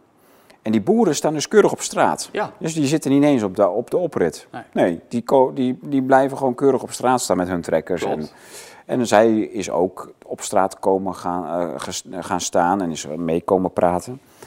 Ja. En dan zie je dus een cirkeltje om die foto van, eh, van die kinderen heel in de verte met een telelens gefotografeerd. Dat ze er gewoon lekker, lekker lachend en ontspannend bij staan. Van Ja. nou ja, eh, beleven wij ook nog eens wat. Ja, Ja. Mama is minister, dus ja, we zijn wel heel belangrijk dat die boeren dan bij ons op de oprit komen.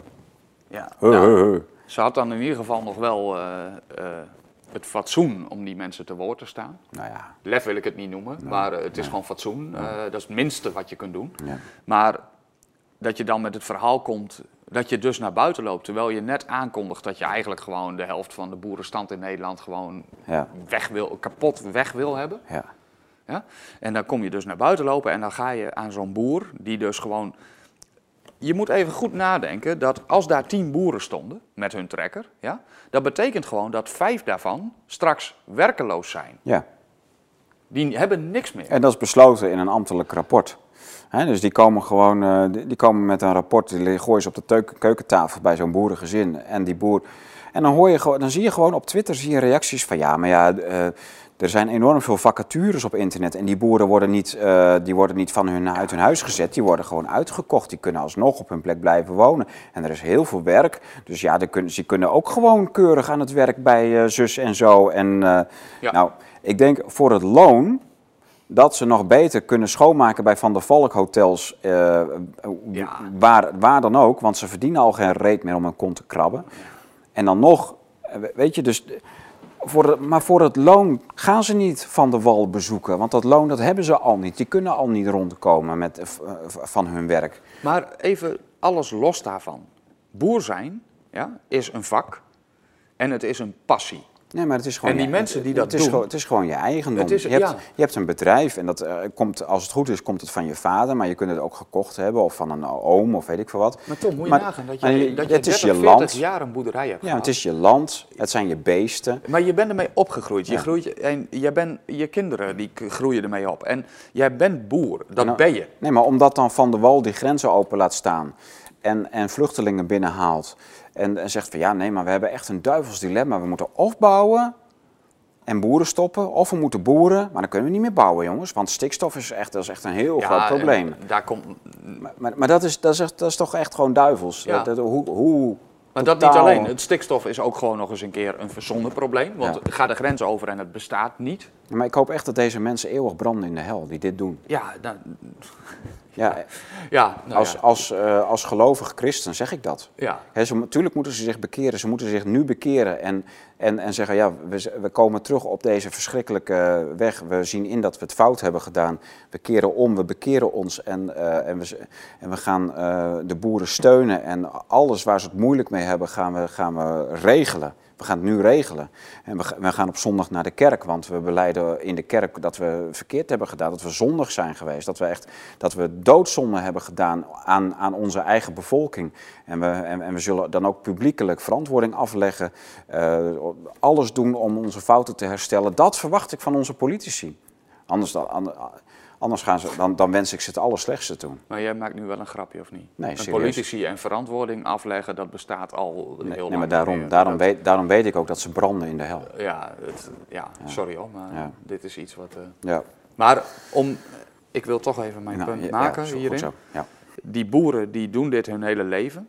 Die, en die, ga je, die ben je al jarenlang het leven onmogelijk en, en zuur aan het maken met allerlei regeltjes. En is het de stal niet, dan is het dit en bemesting en noem het. Nou, je kunt ze worden aan alle kanten gepakt. hoor. aan alle kanten. Ze, als, ze kunnen met inspecties gepakt worden, ze kunnen via de melkfabriek gepakt worden, ze kunnen via hun afna, eh, weet ik het Het wat. maakt allemaal niet uit. Nee. Ja? Maar die ben je al jarenlang het leven aan het zuur maken. Die boeren die blijven maar proberen om toe te geven en om dingen te verbeteren en te Ja. veranderen. En ze worden maar, het, de malle molen draait maar door. En uiteindelijk heb je dan nu gewoon het lef dus om, als, om met het besluit te komen dat gewoon de helft van die boeren moet verdwijnen, weg moet. Die komen bij jou voor de deur staan met tien trekkers of weet ik het hoeveel. Ja. En die staan daar netjes op straat en dan loop jij naar buiten. Ja, en dan zeg je, ja, ik vind het echt niet kunnen dat je nou voor mijn huis komt staan en mijn kinderen zitten trillend binnen. Ja, dan, probeer je dus een morele kaart te dan, dan had je spelen. als boeren moeten zeggen, ja, maar we komen u gewoon uit uw huis zetten. Dat is gewoon... Nou, ze eh, hebben haar een, eh, een, eh, formele ontslagbrief gegeven. Ja, precies. Ja, ze de- hadden haar uit haar huis moeten Ja. komen zetten. Want Dat doet zij bij de boeren. Boeren moeten terug doen bij, deze, bij dit, deze, dit tang van een varken, van een... Oeh, ik krijg eh, Kramp? kramp. maar ze, hebben dus, eh, ze hebben zelf een ontslagbrief opgesteld. Ja, nee, En, maar dat is- eh, het is allemaal nog veel te ludiek, weet je. Ja. Ik, kijk, maar ik- dat je daar dan hoor- gewoon naar die boeren toe loopt Ja, en zegt van jongens, dit, je- ja, dit, maar dat kan, gore dit lef. kan niet. Ja, maar eh, die hele kliek, die VVD'ers, die blinken uit in... Als ze aangevallen worden, altijd de aanval naar voren. Al, ze doen nooit een stap terug. Ze gaan nooit zeggen, oh ja, we, gaan even nadenken. Van de- deze reactie hadden wij eigenlijk niet verwacht. Misschien hebben wij toch iets niet goed gedaan. Tuurlijk nee, hebben ze dit Het is gewoon de pu- pure aanval, naar, vlucht naar voren, gelijk in de aanval. En dan kunnen ze deze zogenaamde misstap van de boeren, kunnen ze dan weer aangrijpen om, om nog een keer er weer overheen te gaan. Ja, en dan het, het absolute godspe van, van dit hele gebeuren, dat die boeren daar op die oprit stonden, was dus dat Op straat. op straat, was dus dat, dat wijf van de BBB, sorry, die mevrouw eh, Van der Plas, die zichzelf op Twitter Lientje noemt. Klopt. Eh, bij mijn weten was BBB een soort fitnessprogramma waarbij je bepaalde lichaamsdelen aan. U kunt het nazoeken, u kunt het nazoeken op, eh, op eh, YouTube. Het is een fitnessprogramma. Ik moet het ook even nazoeken, Ja. want ik weet het ook niet. Maar dat deze mevrouw zich dus op Twitter, dat, hè, dus die, die zichzelf opwerpt dag in dag uit als voorvrouw van de boeren, dat ze dan ook nog een keer foei gaat roepen naar de Ja. boeren die dit doen. Nou, ik vind dat, dat vind ik zo verschrikkelijk ja, erg. Ja, En dan hoor ik wel dat ze dan achteraf intern door de boeren daarop is aangesproken dat ze het niet meer moet doen. Maar die tweet staat gewoon nog online. Dus ze heeft er als je dat echt doet en je leert ervan, dan, dan vliegt het schaamroodje naar de kaken, lientje, met je, met je BBB-programma. Dan vliegt het schaamroodje naar de kaken, mevrouw, met je, met je permanent krullen. En, en dan verwijder je zo'n tweet. Maar nee, die tweet staat er gewoon nog. Is echt, het is zo ongelooflijk gênant. En je, je bent gewoon niks anders dan een LTO die veel liever heigerig, gezellig bij de minister op de koffie zit om te overleggen wat ze nou weer de volgende dag met de boeren kunnen flikken. Zo, daar ga je heen, daar, ga je, daar lijk je op. Ik weet niet helemaal uit wat voor achtergrond je hebt. Dat is allemaal heel erg schimmig en mistig. Van, van Pig Business en, en al die andere eh, organisaties die zich voor op, opwerpen als, als woordvoerder van boerenbelangen.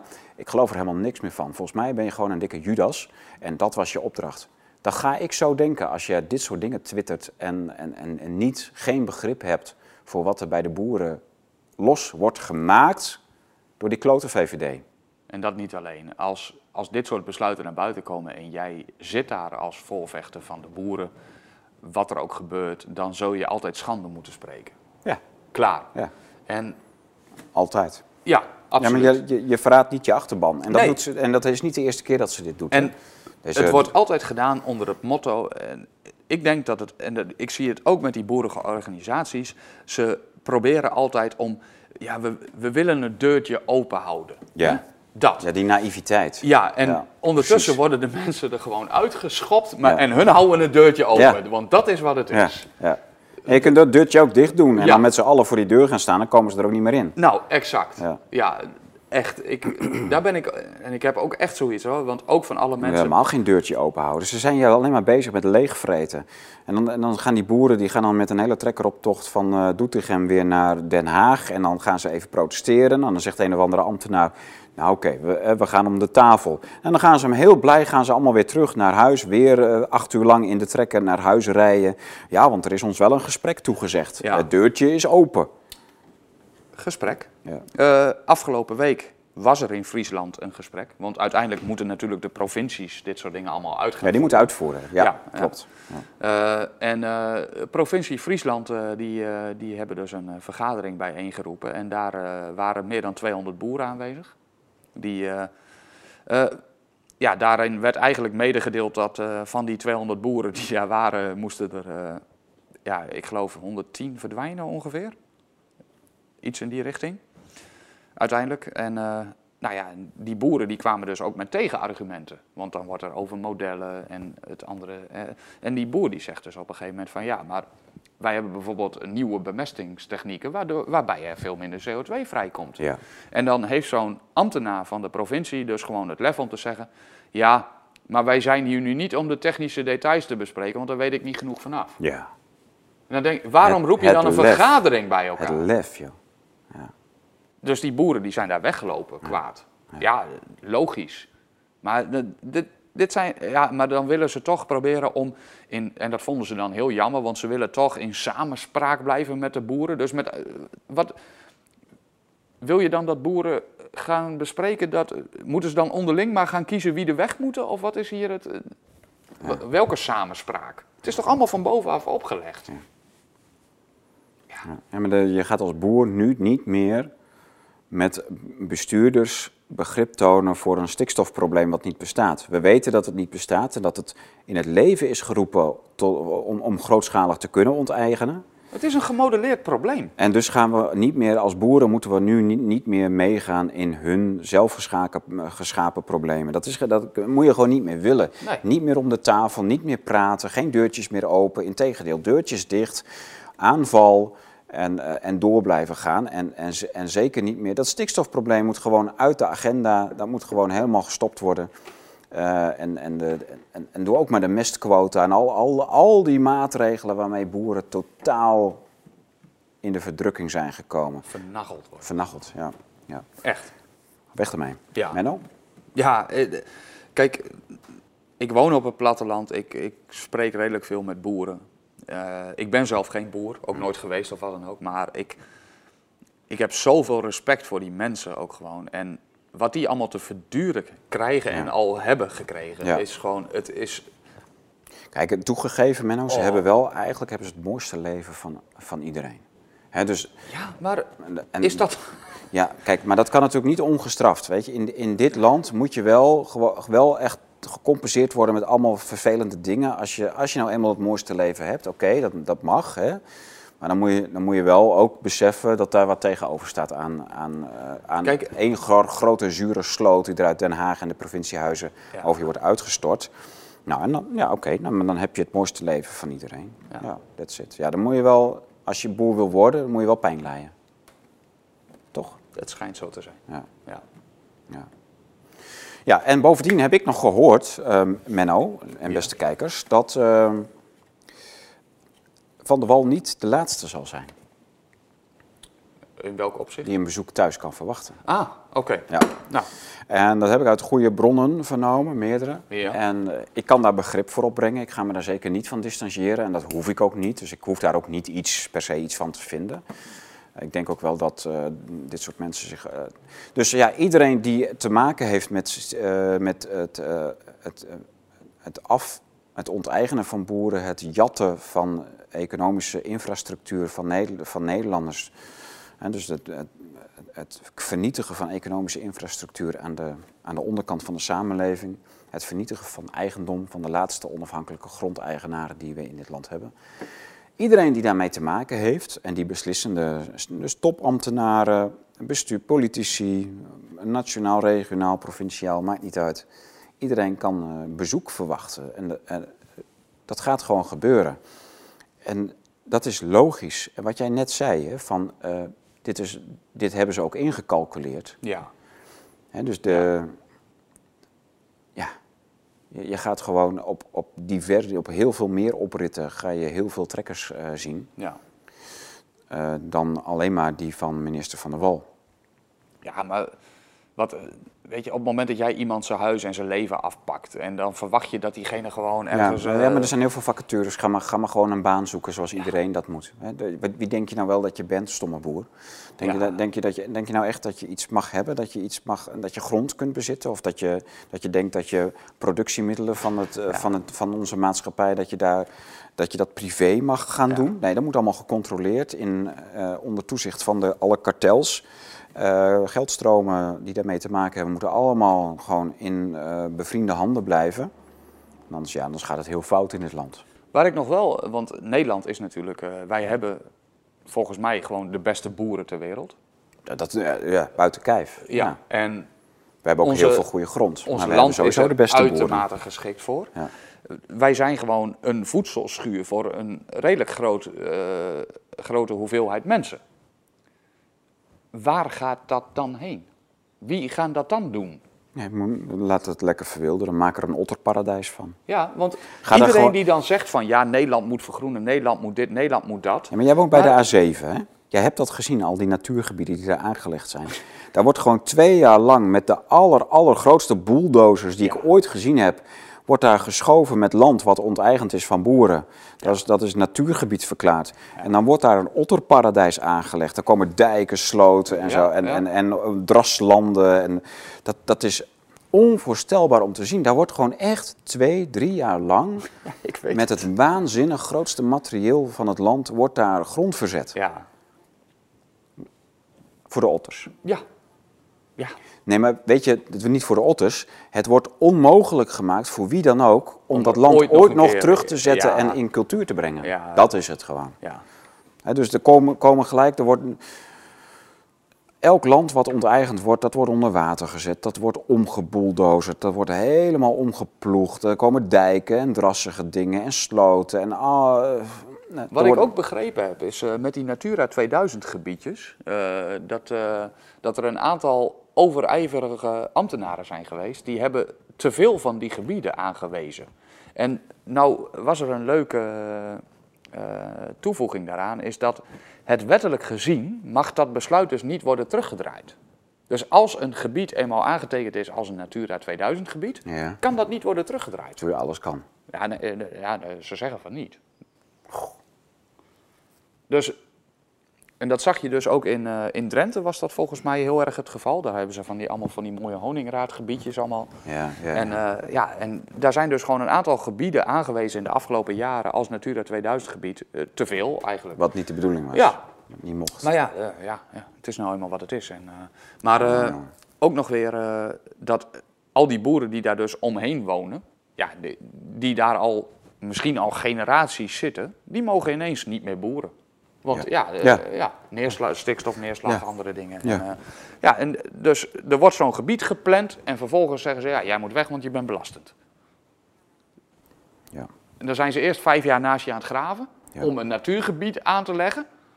En vervolgens dan mag jij je land niet meer eh, eh, gebruiken.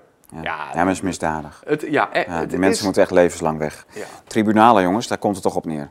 Uiteindelijk wel weer, eh, hè? Ja, nee, maar Ja. kijk, ik, ik, roep, ik roep deze mensen op om zich te bekeren van deze waanzinnige, zondige en, en, en eh, ja, mensonterend eh, gedrag. Dit is zwaar crimineel en, en die mensen moeten terugkeren op hun pad en hun fouten herstellen.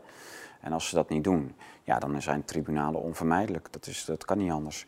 Ehm, wij, eh, wij- gaan nog naar de bubbels, maar niet voordat we... Of heb jij nog wat? Eh, Nou, ik wil een kleine toevoeging doen hierop. Ja, Eh, ja. de- uiteindelijk, dit, wat hier nu gepresenteerd is, is gewoon, dit zijn de, de uiteindelijke plannen en, en de doorgroei van, van de, de stadstaat Nederland. Ja. Dat is wat het is. En voor, dit is niet alleen voor de boeren, maar ook denk ik voor de burgers echt wel een wake-up call. Nou ja, dat zijn we toch wel ver voorbij al, toch? Ja, maar ook weer Mensen nu, moeten het eerst voelen voordat ze merken wat er al jarenlang in de, in de pan zit. Dat is ook zo, maar ik ja. blijf het toch doen, Tom. Ja. Eh, het is gewoon voor mij wel dat ik zoiets heb van... besef je wel, dit is niet alleen de boeren, maar boeren en burgers... eh, want boeren zijn ook burgers, Ja. maar...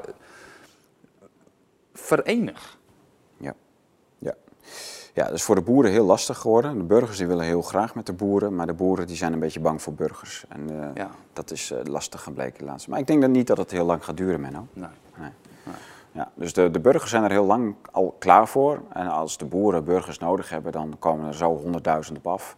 Of eh 50.000. Maar eh, no problem. Ja. Dan, dan, komen, dan komen ze.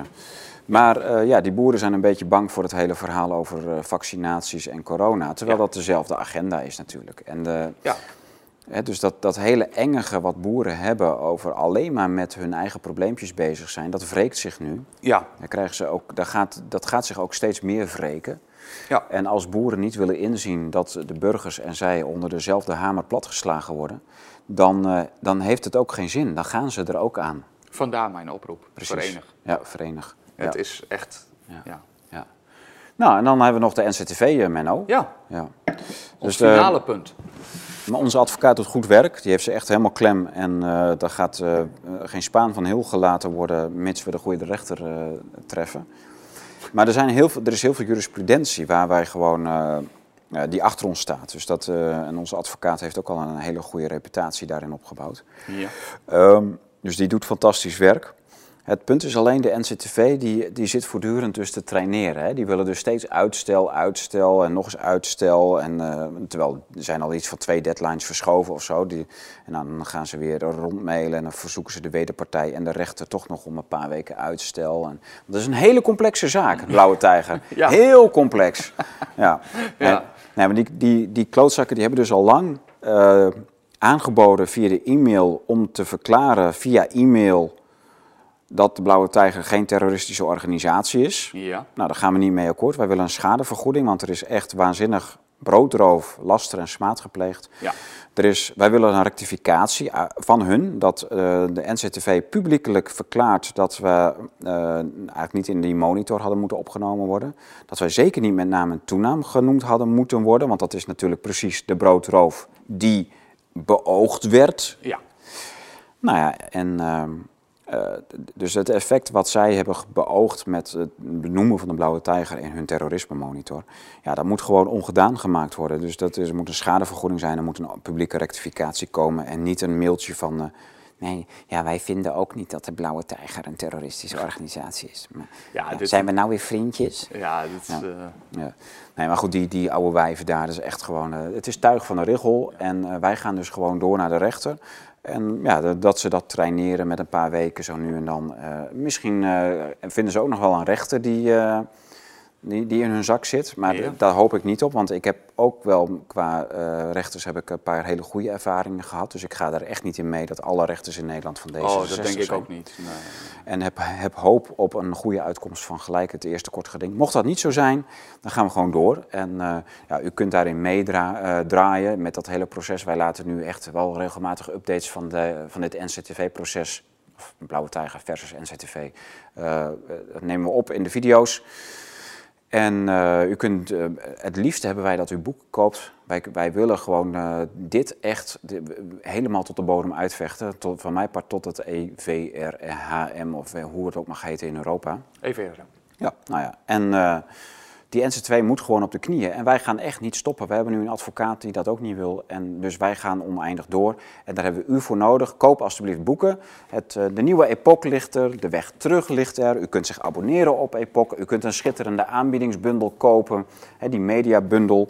Ehm Homo Fidens, nepnieuwsexplosie en gekochte journalisten in een nieuw jasje. Echt een supermooie cover. Heb je hem al wel? Ja, geef die oude weg, koop de nieuwe in deze bundel. Dat is ook een eh, heel goed... eh, dit boek is trouwens ongelooflijk veel doorgegeven. Dat hoor ik van heel veel mensen.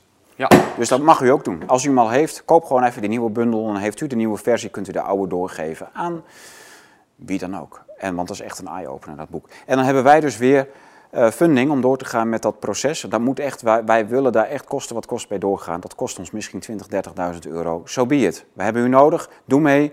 Eh, liever boeken kopen dan doneren, maar doneren mag ook. En dan vindt u bovenaan een, onze website www.deblauwetijger.com. Dan vindt u een groen-gele knop, echt giftig groen. Het lelijkste, de lelijkste kleur die u kunt vinden als mooie contrastkleur op onze website.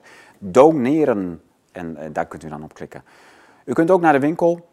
Uh, dat is https www.deblauwetijger.com slash winkel. En dan komt u bij onze boeken en daar staan echt heel veel leuke dingen bij. U kunt uw hele winkelmand volgooien en afrekenen. En dan gaat kaching door naar... Uh, de advocaat. De, nou, niet echt, nog niet eens. Maar uh, we hebben uh, mensen die processtukken schrijven, de jurisprudentie op orde brengen, de advocaat die de processen voert. En natuurlijk gewoon, je moet een, een soort depootje storten, geloof ik, bij de rechtbank. En uh, om, om dat proces, uh, ja, je moet iets garant staan. Maar goed, dat is allemaal al afgerekend voor het kort geding.